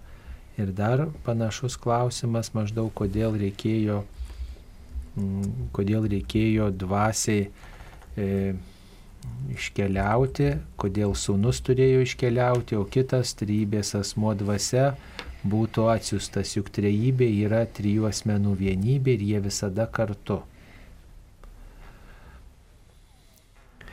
Taigi e, prie seminarijos, kaip tik tai yra švenčiausios trybės bažnyčia ir jį rytoj šves atlaidus, rytoj švenčiausios trybės sekmadienis. Pagerbėme šitą protu sunkiai apriepiamą slėpinį, kaip gali būti, kad trys e, asmenys yra atskiri, bet kartu vienas Dievas. Taip, švenčiausioji trejybė yra kunigų seminarijos titulas, kunigų seminarijos bažnyčios titulas, kurioje meldžiasi besiruošiantis kunigystėj auklitiniai ir švenčiausioji trejybė visų pirma reikia pasakyti yra vienas Dievas trijose asmenyse. Dievas tėvas, Dievas sūnus ir Dievas šventoji dvasia. Lygiai galėtumėm kažką labai tik tais taip, na, paviršutiniškai, aišku, ne taip giliai kaip šventoji trejybė, bet taip sakytų žmogus, tu man ką nors parodyk, vat, na, praktiškai, kaip tą trejybę suprasti. Nu, va, žiūrime į vandenį. Toksai paprasčiausias pavyzdys. Vanduo gali būti skystas, vanduo gali būti ledas ir vanduo gali būti garai. Lygiai tas pats yra vienas vanduo. H2O cheminių elementų pažymimas. Taigi tėvas, kuris kuria pasaulį, dalyvaujant ir sūnui, nes žodis buvo pas Dievą, tas žodis buvo Dievas, tas žodis yra logos, Kristus, kuris gimsta iš mergelės Marijos. Ir visa tai vyksta šventojoje dvasioje, jų bendrystė ir jų meilės tarpusavis, tarpusavio dialogas yra šventojoje dvasioje. Tai švenčiausios trejybės esmė yra visuomet kuriamoji ir žmogus yra sukurtas pagal švenčiausios trejybės paveikslą. Todėl mes turime ir kūną, turime ir sielą, ir dvasinį pradmenį, turime ir tai, kas mus įkvepia, troškimus, meilę ir veržimasi į gyvenimą, kurį norime perkeisti. Taigi, ką daro toji švenčiausiai trejybė? Švenčiausiai trejybė, švenčiausios trejybės um, asmo šventoji dvasia, ji nužengia ant mūsų ir ji pripildo mūsų sielas. Dievas visuomet yra vienas. Ir atsimenu, kai studijavome kunigų seminarijoje, buvo vienas kursas, kuris truko rudens sesiją, jinai trumpesnė yra. Tiek studijavom įvairiausių bažnyčios tėvų, švento rašto, liudymo apie švenčiausiąją trejybę ir pabaigo, pa, pabaigoje paskutiniam puslapyje buvo parašyta ir visa tai yra paslaptis. Tiesiog net nu, nu, nu, nu, nusviro ir rankos suvokti viešpatį Dievą, kaip sakydavo e, bažnyčios tėvai, tai atsistoti ir mikčioti. Kad ir kaip gražiai apie jį bekalbėtum, kad ir kaip giliai bekalbėtum, išsemtum tik tai vieną mažytę dalį. Tiesiog pamikčiojai, pasistengiai, kaip suvokti švenčiausią trejybę. Taigi kiekvienais metais į atlaidus vis pakviečiam kitą atlaidų vedėją čia į Kauno kunigų seminarijos bažnyčią. Ir kiekvienas atvykęs kunigas iš tam tikro kampo arba tam tikru aspektu prisiliečia prie švenčiausios trejybės, trokšdamas atverti jos klodus, jos gelmę ir prasme žmogaus gyvenime. Taip, tai trys asmenys, kuriuos vienyje viena dieviška prigimtis, e, vieno, viena prigimtis ir kodėl vienas asmuo čia yra, o, o, o sakykime, kodėl jam reikėjo ateiti tam, tai yra Dievo planas, kad mes pažintume, koks yra Dievas. Jėzus prisijėmė e, mūsų žmogišką prigimtį, dievystė ir žmogystė sutilpo viename asmenyje tam, kad mes suprastume, koks yra Dievas, kad Dievo, Dievo asmenį mums pristatytų mums suprantamų būdų ir mes galėtume e, savo žmogystėje priimti vieną Dievą ir mm, šventosios dvasios ateimas, tai, tai Dievo pasirinktas būdas su mumis pasilikti ir būti Dievo artumoje. Tai Dievas yra dvasia ir, ir dėl to šventoji dvasia, jinai paskatina melstis, jinai sutelkia maldą, jinai palaiko bendruomenį, yra, yra su mumis ir padeda mums Jėzaus nuostatoj gyventi. Tai yra, na, švenčiausioji trybė, kitaip sakant, toks Dievo sugalvotas e, projektas, kuris skirtas ir mums žmonėms, ir skirtas e, tam, kad mes tam, kad na, tas, tą Dievo tokį apstumą, į, į tokį na, į, įvairumą, įvairiapusiškumą galima būtų išreikšti. Tai va taip atsakytume. Apie švenčiausią trejybę mes skaitome ir Evangelijoje pagal Luką. Šventoji dvasia nužengs ant tavęs viena e, švenčiausios trejybės, vienas švenčiausios trejybės asmuo ir aukščiausiojo galybė pridengs tave savo šešėliu, taigi Dievas tėvas, todėl ir tavo kūdikis bus šventas ir vadinamas Dievo sūnumi. Štai ir turime švenčiausiąją trejybę. Kitoje vietoje Mato Evangelijoje trečiame skyriuje e, randame tokius žodžius, kada pakrikštytas Jėzus tuo išbrido iš vandens ir staiga atsivėrė dangus ir pamatė jog Dievo dvasia sklendžia žemyn kaip balandis nužengiantis ant jo. Na, perteikta ta pati tiesa, kur Dievo sūnus yra įbridęs į vandenį, šventoji dvasia nužengia ir štai balsas, šitas yra mano mylimasis sūnus, kuriuo aš gėriuosi. Taigi švenčiausioji trejybė, jinai yra šventam rašte akivaizdi. E, kai mes studijavom Romoje, tai būdavom vienoje kolegijoje, vienoje, kaip pasakyti, vienam bendrabutyje, kaip mes lietuviškai pasakytumėm, gyvenam įvairiausių disciplinų e, kunigai, kurie studijavome net ir skirtingose universitetuose. Tai vieną kartą vienas iš studijuojančių Bibliją mūsų paklausė, sako, kokia buvo, kokia yra, kaip pasakyti, Dievo užgimimo esmė žemėje. Pagrindinis dalykas. Nu, mes ir sakom, nuodėmio atleidimas. Nesako, čia pasiekmė viso to nu kas daugiau, e, ką žinau, Evangelijos skelbimas, ne, pasiekmė čia yra, bet esmė kas yra. Ir jisai tada pasakė, kad būtų ač... apreikšta švenčiausioji trejybė.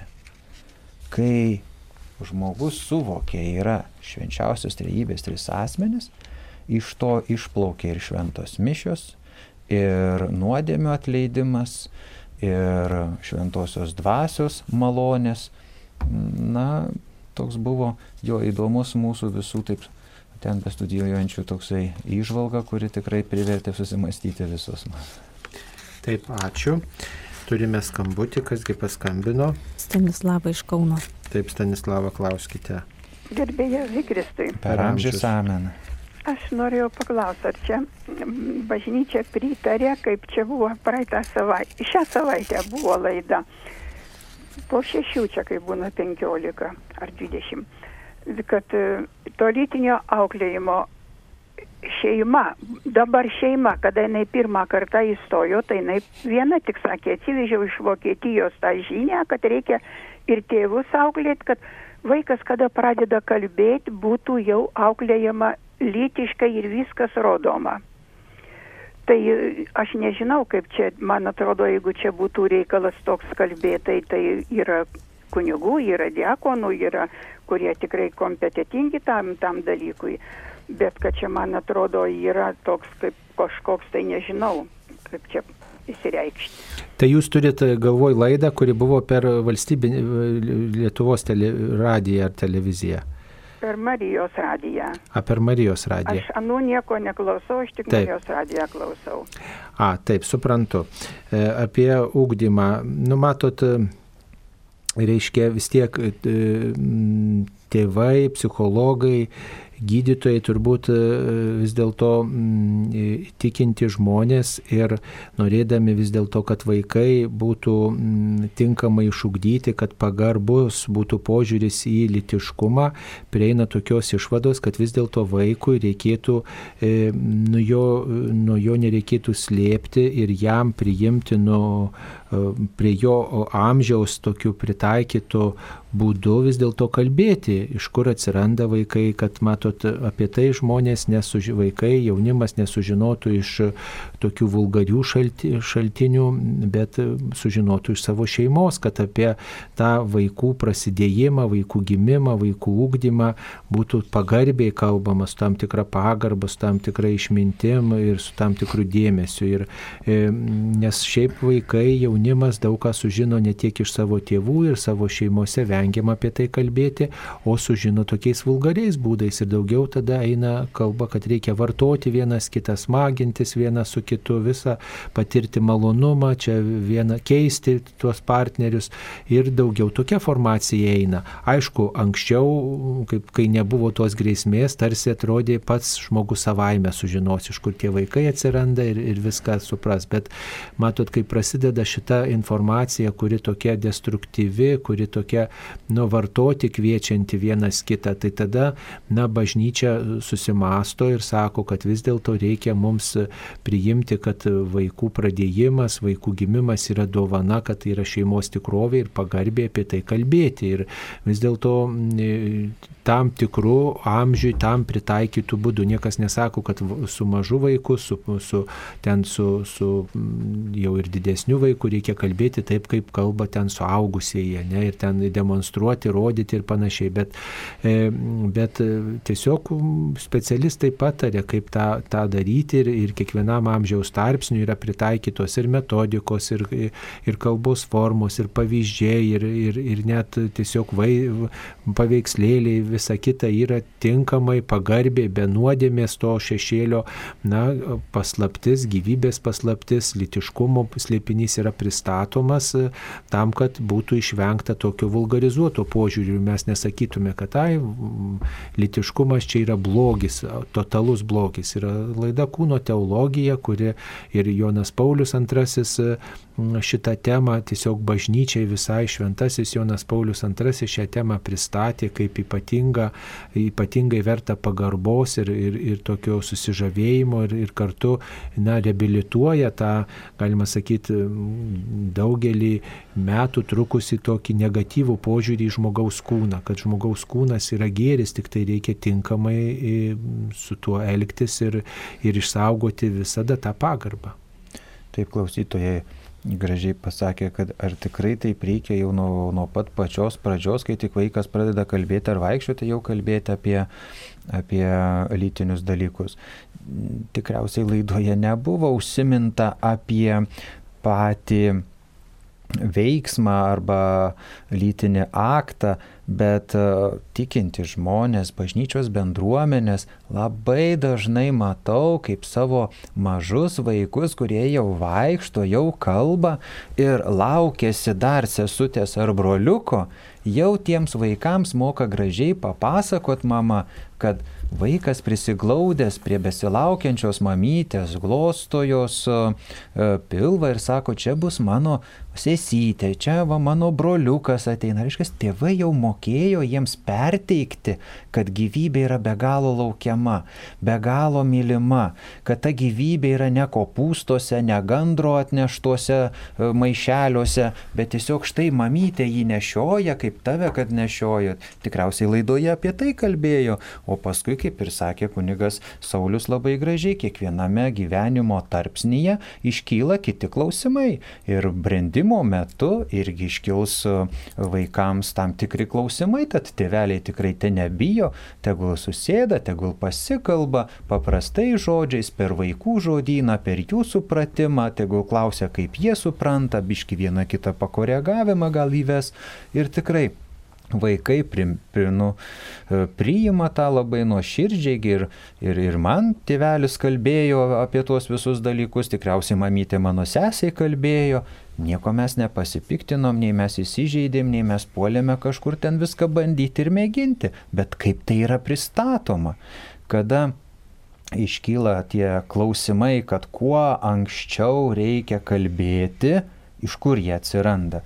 Jie atsiranda iš tų didelio abortų skaičių, iš tų didelių o, skaičių, kada yra negražiai pasilgiama su jaunom mergaitėm, kurios kuo tik ankstesniam amžiuje stengiasi tapti, prarasti nekaltybę. Ir visi šitie dalykai suveda į vieną tokį, na, kartais netgi perdėtą arba perlenktą troškimą eiti ir kalbėti vaikams kuo anksčiau, kuo, kuo jie labiau viską mokėtų, kad kuo mažiau įvyktų abortų arba apsaugotumėm jaunimą. Tačiau tikrai tikintis tėvai turi savyje, savo širdyje tą būdą, jie moka papasakot ir Tik tai, tik tais reikia drąsos, aišku, gali pasitarti, paskaityti vaikūno teologiją tėveliai, pažiūrėti bažnyčios mokymą ir paskui perteikti savais žaismingais žodžiais, rimtai žodžiais, su meile, su pagarba žodžiais.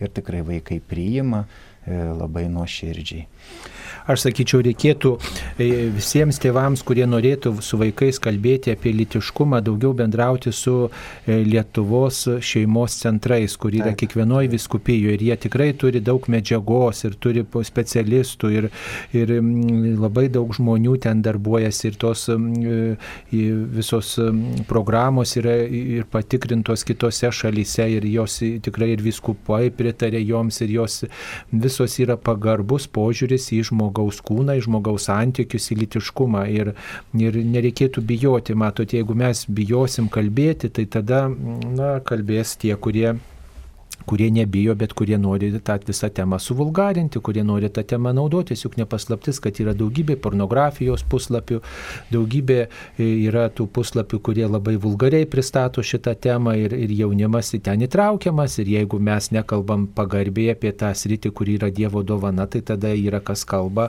kurie, reiškia, labai tą nu, įtraukia į priklausomybės, įtraukia į tokį vartojimą, į santykių kaitą ir dėl to kenčia ir mūsų šeimos ir na, va, pornografija viena iš tų sričių, kuri, kuri tiesiog labai, taip galima sakyti, pasitarnauja, padeda, kad šeimos nėra darnios, kad šeimose nėra pagarbos kūniškumui, kad šeimose yra iškreipiamas tas litiškumas. Tai e, matot, mes e, drąsiai turim kalbėtis apie problemas ir pasiruošti tam. Ir kunigai ne visada yra tie galintys kalbėti šitom temom, bet yra e, psichologai, yra šeimų specialistai, kurie studijavo toj srity, kurie daugybę e, specializuojasi tais klausimais, domisi ir, ir, ir derina ir žiūri, kokios tos programos, analizuoja, derina su bažnyčios mokymu, tikrina, palygina ir, ir tada tikrai galima tai žmonėmis pasitikėti.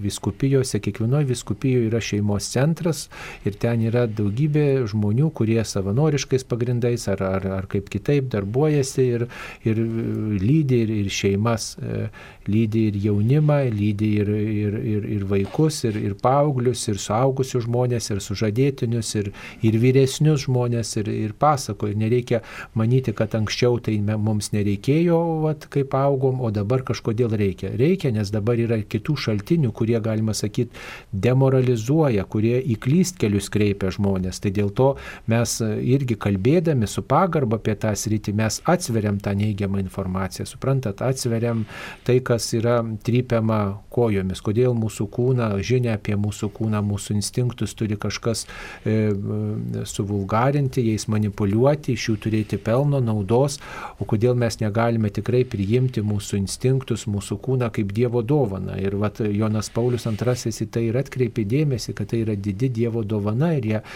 mes negalim nuneikti jos, bet mes ją pagarbiai priimam. Ir, ir tikrai ir net ir kunigo gyvenime tas kūniškumas, jis, jis yra, jis niekur nedingsta, jeigu mes jį neiksim, mes turėsim didelių problemų, bet mes su tuo e, mokomės sugyventi, sutarti, nukreipti ir, ir, priimti kaip tam tikrą tokią gyvenimo dalį ir, ir tada, tada įmanoma, įmanomi gražų sprendimai, bet ne, ne neįgymas, nebėgimas nuo to, ką Dievas mūsų, mums davė visiems kaip vyrams ir moteriams.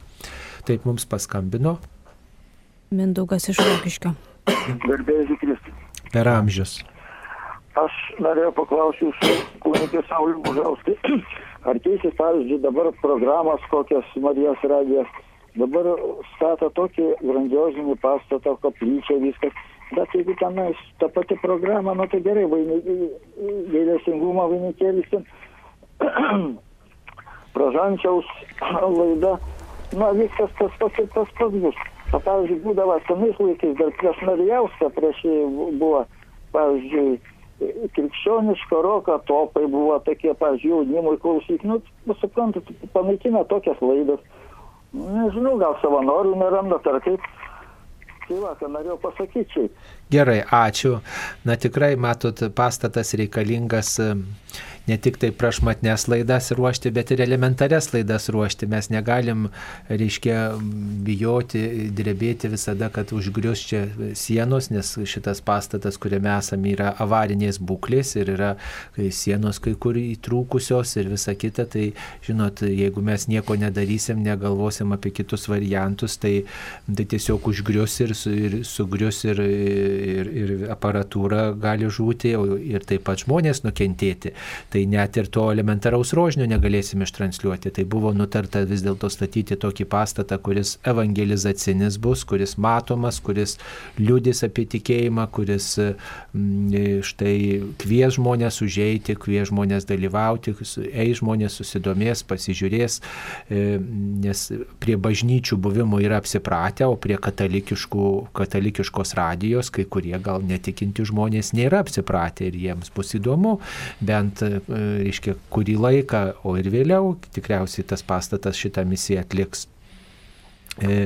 E, dabar e, statomos e, didelės patalpos, didelis pastatas tam, kad būtų žvelgiama į priekį, nes nežinia, kokios bus technologijos ir, ir kaip bus galima panaudoti. Tai tiesiog įvairūs sprendimai ten bus galimi ir tiesiog, kad būtų patogu įrašinėti vienu metu kelias laidas reikalingos kelios studijos. Štai dabar irgi atsiranda tokia problema, kad yra, va, štai laida vyksta, įrašas vyksta ir ateina kunigas, pavyzdžiui, kuris negali kitų laikų, nes turi pastoracinių įsipareigojimų, pavyzdžiui, rašyti homiliją. Ir jis negali ateiti kitų laikų, ateina tuo laiku, kai yra įrašas. Nu ir yra toks, vat, na, nepatogumas toks, na, vat, ir, ir labai keblu tada visiems yra. Ir tai kelia įtampą, kelia nerimą visiems. Ir, žinot, reikia gerbti mums vieniems kitus ir jeigu įmanoma galvoti apie ateitį, apie įvairių žmonių užimtumą, įvairius poreikius, įvairius rūpeščius, tai visur pasaulyje taip yra, kad vienu metu galima daryti kelis įrašus ir mes norime tiesiog tokią galimybę turėti, kad gali būti ir tiesioginė laida, gali būti ir įrašas, gali ateiti gal ir kitas žmogus įrašyti, kad vienu metu būtų galima atlikti kelis įrašus ir žinant, koks yra žmonių užimtumas, kokie rūpeščiai, e, e, visa kita, tai reikia atsižvelgti, tai tam reikia kelių studijų ir iš karto plotas didesnis ir iš karto, matot, studiją negali pastatyti žinot, fanerinę būdelę ir čia vat, bet kur mes įkišam ir čia bet kokioj patalpo reikalinga garso izolacija, kad kokybė būtų, nes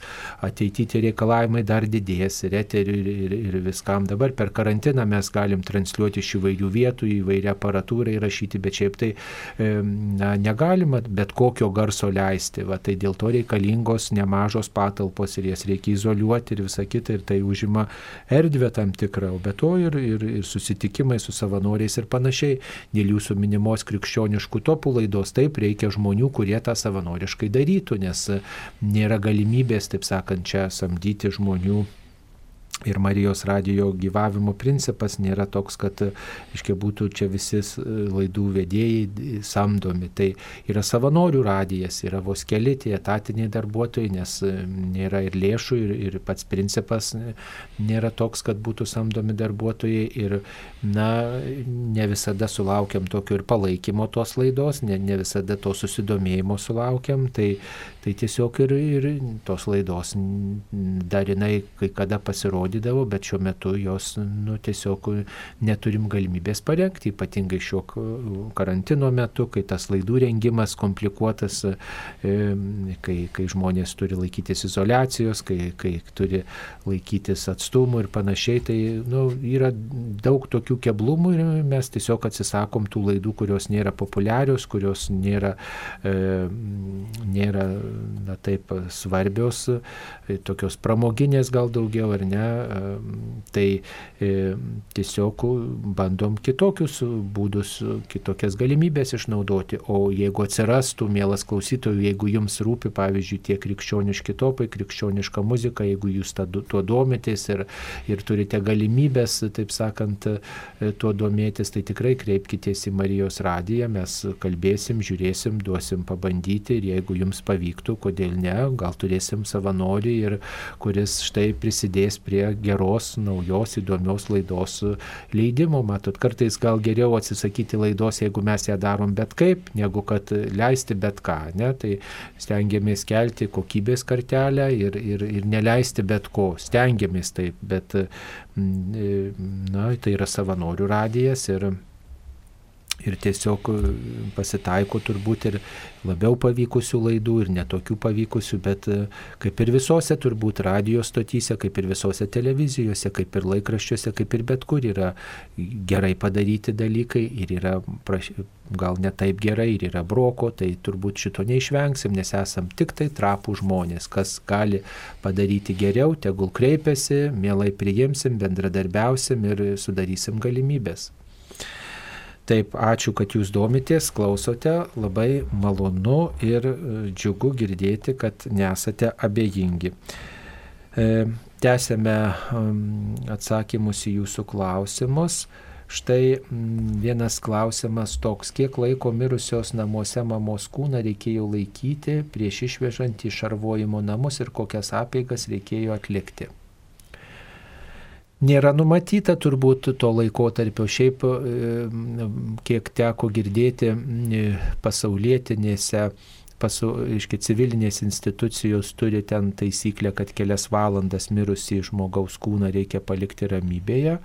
E, tiesiog, nes tas mirimo procesas taip jau tęsiasi, kad tas kūnas tiesiog ramybėje pasiliktų ir tuo metu tikinti žmogus uždeda žvakutę, užspaudžia akis, uždengia gal kūną, va, tiesiog ramybėje palieka ir, ir Ir, ir, ir tiek, melstis tuo metu galima, maldas, kurios maldaknygėse yra, arba susijaudinus, ar ką galima bent poterių sukalbėti, tėvė mūsų, sveika Marija, garbė Dievui, amžinai atilsi tiesiog, e, na ir melstis atgailos psalmėmis galima tiesiog ir duoti žinę giminėms, duoti žinę artimiesiems toliau esantiems ir duoti žinę tiesiog medikams mirų žmogui ir pasitarti, ką toliau daryti. Medikai paprastai visada pasako, ką toliau daryti, žodžiu.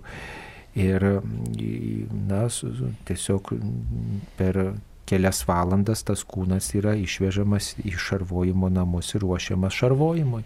Va, o numatytos apėgos yra šarvojant mirusi, tai dažniausiai ten dalyvauja kunigas, jei kunigo nėra, galima kai ką iš tų apėgų panaudoti, man atrodo, maldaknygėse tos apėgos yra, bet apėginė, kiekviename apėginė jos yra, bet, na, kai neturim nei apėgino, nei maldaknygės, nei nei esam susijaudinę ar ką, na tai tiesiog paprasčiausiai pasimelsti, uždegti žvakę, pasimelsti taip, kaip, kaip galite.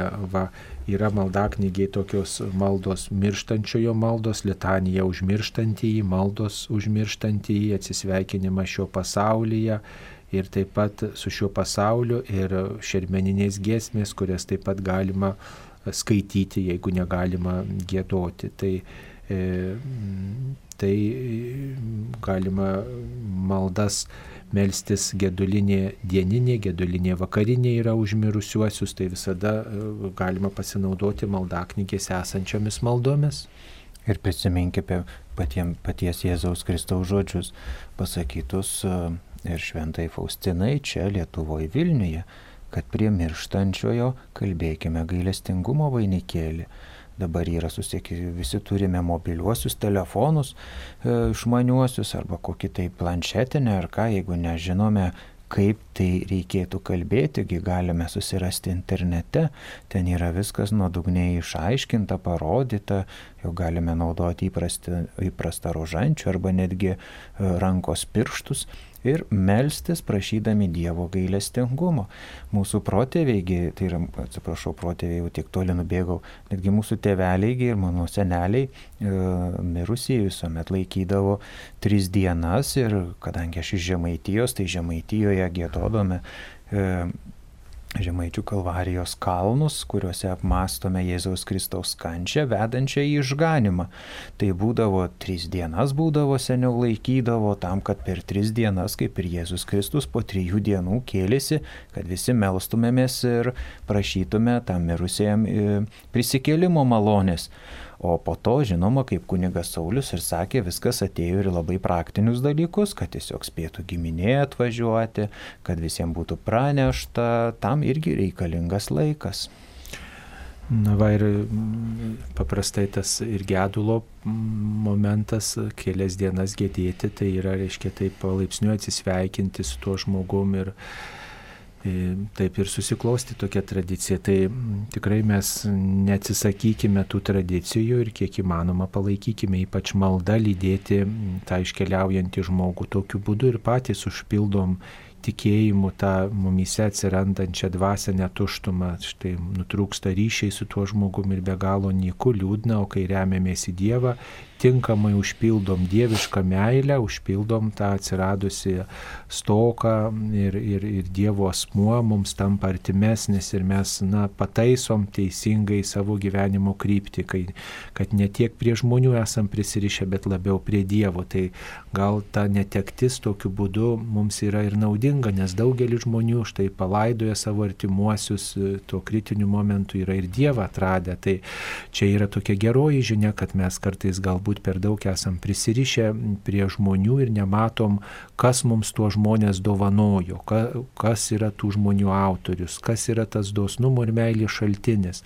Kaip ir už daiktų nematom tų daiktų kūrėjo, tų daiktų dovanotojo paties Dievo ir dažnai tik tai daiktais džiaugiamės, taip ir žmonėmis džiaugiamės, užmirždami tų žmonių kūrėją.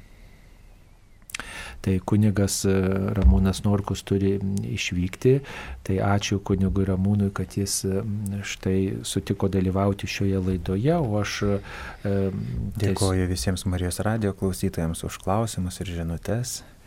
Ir turbūt kviečiat rytoj švenčiausios trybės atlaidas. Taip, būtinai, bet laikantis visų karantinui reikalingų dalykų, tai su kaukėmis, e, laikysimės atstumo, šventąją komuniją priimsime į rankas. Dabar klausykime mūsų ganytojų, viskupų, kurie yra prieėmę šią tvarką, pakluskime ir tikrai nuoširdžiai dalyvaukime švenčiausios trejybės atlaiduose. Taip, ačiū kunigui Ramūnui. Dar turime vieną žinutę, močiutė verkianti kūdikį apneždavo saują druskos, neva pikta akis nužiūrėjus, todėl kūdikis reikia, pati močiutė eina į bažnyčią, man kyla piktis dėl jos tokio dvilypumo ir e, reikia kantrybės, sunku rasti jos, ramiai paaiškinti, kad nereikia taip daryti, kaip ramiai pasakyti. E, na, čia reikėtų pasitarti su egzorcistu šitų klausimų. E, apskritai, imant tai gali būti egzortuotas vanduo ir egzortuota druska, reiškia pašventinta, kuri naudojama štai tikinčių žmonių. Ir e, šiaip tai, aišku, mums yra didžiulis pavojus kartais tikėjimo dalykus e, na, paversti tokiais maginiais dalykais, tai e, reikėtų to vengti ir vis dėlto pasitikėti Dievo asmeniu, Dievo galybė, bet ne tiek kažkokiais daiktais. E, net ir šlakstydamėsi išvestų vandeniu mes prisimenam, kad ne vanduo mus augo, bet Dievo malonė, Dievo veikimas, Dievo asmuo, o e, tie ženklai viso labo tik tai nuoroda ir priminimas apie tą dvasinę tikrovę, kurią tie regimi ženklai primena.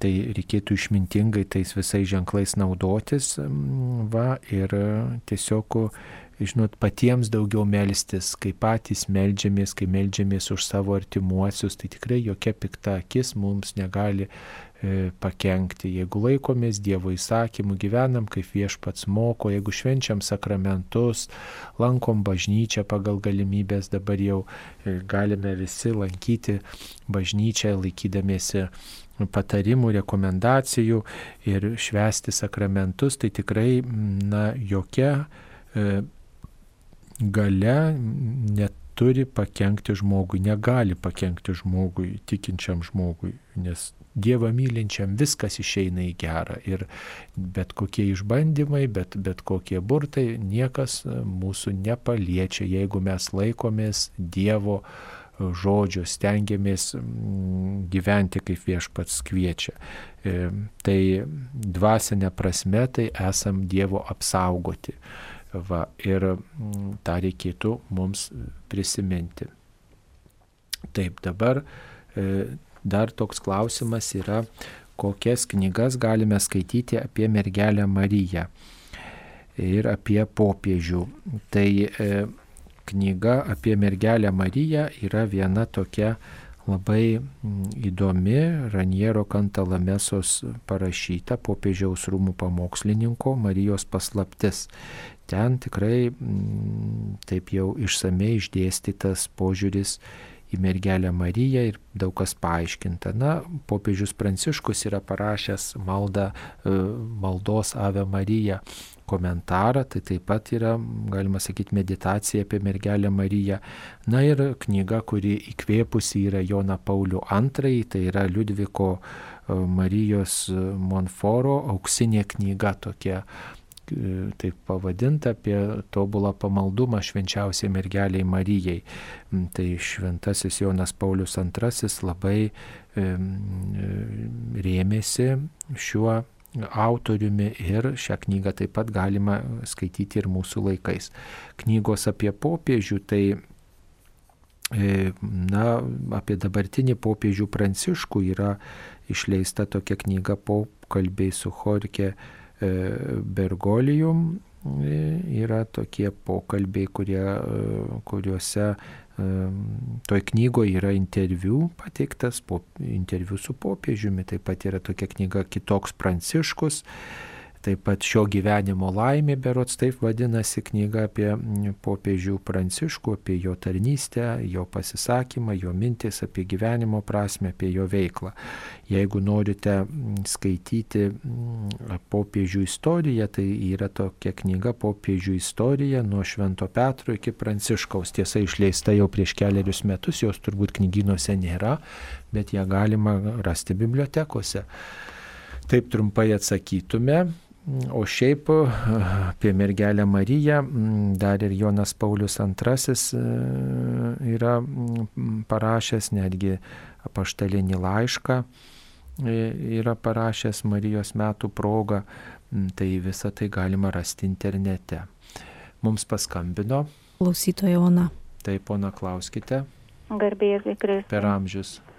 Norėčiau paklausti, kad paaiškintumėt, jeigu yra jėgų, E, kodėl bažnyčioje, šio laikinėje bažnyčioje nebėra ugnies, tolerancija, liberalizmas, nebėra tokios ugnies, kokios turėjo amžinalis garbus kunigas Varinskas, kunigas Debskis, kunigas Keina.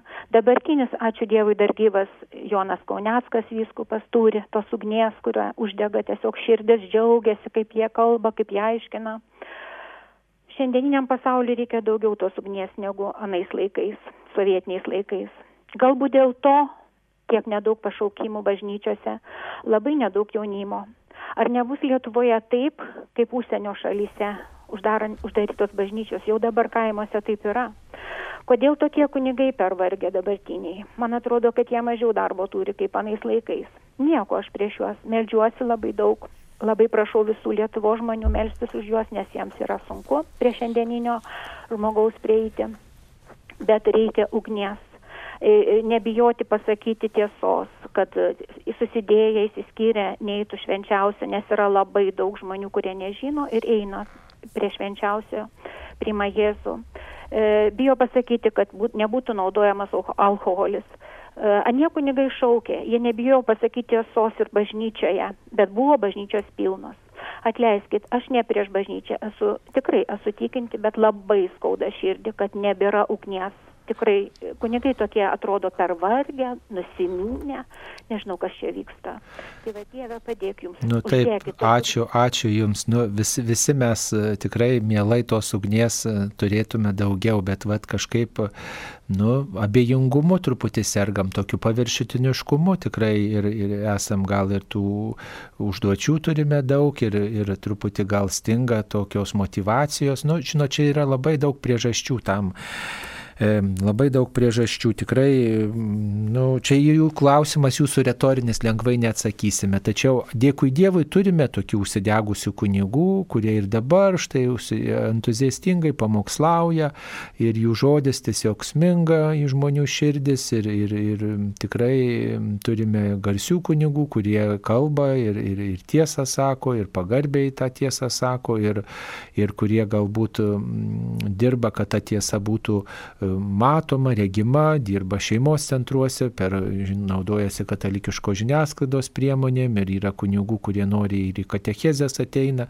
Nu, turim tokių ugningai kalbančių kunigų, aišku, jų visada norisi daugiau ir nu, klausimas, kodėl jų nėra, atsakymas nežinau, dėl to, kad mes visi esam šitos visuomenės vaikai ir mus visus, ir tikinčių žmonės, ir kunigus tikriausiai kažkoks abejingumas atakuoja, toks tingumas, vangumas, galbūt ir rankos nusvyra, kai nematom savo darbo rezultatų. Ir, ir, nu, ir tikrai dėl to reikia labai nu, atgailauti, kaip sakyt, kad neturim tos ugnies, kad neprašom tos ugnies, kad nekurstom tos ugnies, na taip, bet, na, žinot, vieni kitus turim palaikyti, žinot, tikrai vieni kitus turim palaikyti ir, ir jeigu mes m, tikrai, pavyzdžiui, parapijose, žinot, kun, į kunigo paraginimą žmonės labiau atsilieptų, tai kunigui rankos nesvirtų. Pavyzdžiui, kunigas ateina ir ten daro tą, daro na, remontuoja, adoraciją rengia, e, kažkokį renginuką organizuoja, jaunimą kviečia, o jiem niekas ten nerūpi. Nu tai ir svyra kunigui ranko, žinot, jisai ir tokį, ir tokį metodą išbando, ne, ne, nepasiseka. Bet jeigu, pavyzdžiui, žmonės labiau atsilieptų, jeigu žmonės nežiūrėtų kaip į, nu, į tokią vietą, į bažnyčią, kur galima viską viską ar nupirkti, ar, sakykime, vartoti tik tai paslaugas. Na tai, kur jie priimtų bažnyčią kaip bendruomenė ir patys sakytų, nu kunigė, žiūrėkit, mūsų bažnyčia griūva, ką galim padaryti. Aš žinau meistrus tokius, žinau tokius, va tikrai padėsiu, suremontuosim, padarysim, darom kartu, skelbkit, atkreipkim dėmesį, junkimės kartu. Na tai tada ir, ir, ir kunigas, aha, savo galvotų, štai žmogui rūpi. Ir tikrai kunigai kai kurie sako, va, matai, žmonės čia, čia žmonių rūpeščių, sako, čia žmonės paskatino mane, gal būčiau nedaręs, gal būčiau nesistengę, žmonės čia padarė. Tai mes visi esam vieni už kitus atsakingi ir tikrai e, galim lengvai pasakyti, tai kunigai abejingi, tai ir aš neįsiu. Tai, bet žiūrėkime, kas mane be kunigo dar gali paskatinti, gal galiu atsiremti į kažkokį kitą pavyzdį ir aš galiu būti tuo skatintoju ir, ir lipti ant kulnų kunigui. Aš pats prisimenu, dirbau vienoj parapijoje ir tikrai buvo tokių žmonių, kurie vat, štai norėjo bendruomenės ir, ir, ir sakykime, rėjo, sako, kunigė, kada bus susitikimas, kada mes norim daugiau, mes norim sužinoti, kunigė, skirkit mums laiko, kunigė, atsiliepkit, kunigė, norim rekolekcijų, kunigė, važiuokim kartu. Ir aš galvoju, oho, kaip žmonėms rūpi.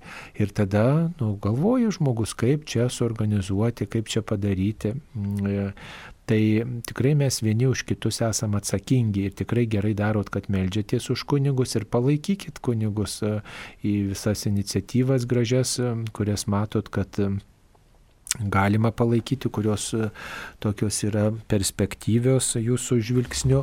Ir e, tikrai manau, kad situacija keisis. Na, o kad e, bažnyčios uždaromos, nu taip, yra ta kaimuose, nes mažėja žmonių, tiesiog demografinė tokia padėtis, kad iš kaimų žmonės vyksta ten, kur yra daugiau darbo, kaimuose neturi žmonės kur dirbti, jaunesni nemato perspektyvos, išvyksta, lieka vyresni, vyresni miršta ir tada na, natūrali demografinė padėtis, bet jinai yra visame pasaulyje panaši, kad žemės ūkija reikia mažiau tų rankų, kaip anksčiau, kad reikėjo, Na ir traukiasi tie kaimeliai, bet miestuose bendruomenės, žiūrėkit, tai vienur, tai kitur matosi, kad žmonės aktyvesni, jie, jie, jie tokie dalyvauja ir alfa kurse, ir patys organizuoja, ir, ir, ir, ir piligriminės kelionės daro, ir, ir aukas bažnyčiai ten renka, naujai statoma ir, ir, ir į maldos grupės kažkokios būrėsi, na vis tiek yra to judėjimo, negalim sakyti, kad viskas eina tik žemyn. Tikrai, nu taip, stinga pašaukimų į vienuolijas, į seminarijas, na taip stinga, bet, bet kol kas dar ačiū Dievui nėra to tokio visiško bado ir tikrai mes galim tikrai nesnausti ir pastebėti, kuris žmogus galėtų štai studijuoti seminarijoje, kur gal išvelgiam, kad štai jisai gal galėtų būti kunigas, kodėl nepašnekėti pašnekinti to žmogaus, kodėl nepakviesti vieno ar kito žmogaus tapti vienuoliu, tiesiog tokia žinia tam žmogui ne, ne, neatnešti, jeigu aš matau, pastebiu, jeigu ne tik apie save galvoju, bet ir apie kitus. Tai tokio, mm, e, tokio mm, abejingumo reikėtų mums visiems mažiau turėti, guiti iš savo širdies abejingumą, o artimo meilę ir tvirtesnį tikėjimą puoselėti ir kurstyti visiems. Tai e, ačiū tikrai teisinga pastaba, bet žinot, nelengvai išsprendžiama. Ir aišku, reikia Dievo malonės, nes tikėjimas yra Dievo malonė, ne tik tai mūsų pastangų dėka, bet ir Dievo malonė. Tikriausiai Dievas gal ir leidžia kartais, na, tokias, tokį vat kietumą, kad matytume, kokie mūsų pasirinkimų vaisiai. Tai e, vėliau pamatysim turbūt tuos vaisius visus, tačiau, nu, esam kviečiami būti vis dėlto jautresni vieni kitiems. Tai tą e, ir šitas karantinas, ir šita pandemija tą tą paliudijo, kad mes nors ir kartais gal esame atskiriami nuo, vieni nuo kitų, tačiau na, neturėtume būti abejingi, neturėtume mm, visiškai ignoruoti vieni kitus ir, ir rūpintis, užtarti, palaikyti, skirti dėmesį, laiką vieni kitiems. Tai yra didžiausias dalykas. Šventas Jonas, e, karmelitas, kryžiaus Jonas yra sakęs, paskutinę savo gyvenimo valandą būsime teisiami tiek, kiek mes mylėjom mylėjom Dievą ir tuos žmonės, kurie mums buvo skirti, kurie buvo šalia mūsų, kiek mes stengiamės juos mylėti, o tą mato Dievas ir mūsų sąžinė. Taigi kviečiu daugiau mylėti, tuomet bus daugiau ir tikėjimo, ir mūsų pasirengimo būti Dievo akivaizdu ir gražesnių vaisių. Nebijokim, kad kartais nepasiseka, kad kartais netinkami pavyzdžiai aplinkui, bet ką aš padarau, kiek aš įdedu širdies į tai, ką, ką darau, kiek aš, kaip sakant, uždegu žvakelių, užuot keikęs tamsą, kiek daug tamsos, bet ar uždegu bent vieną žvakelį. Ačiū visiems mėlyms Marijos radio klausytojams, ačiū visiems, kurie uždavėt klausimus, tiek suspėjom atsakyti į jūsų klausimus, į kitus pasistengsim atsakyti kitose laidose. Ačiū, sudė, prie mikrofono buvo aš, kunigas Saulis Bužauskas.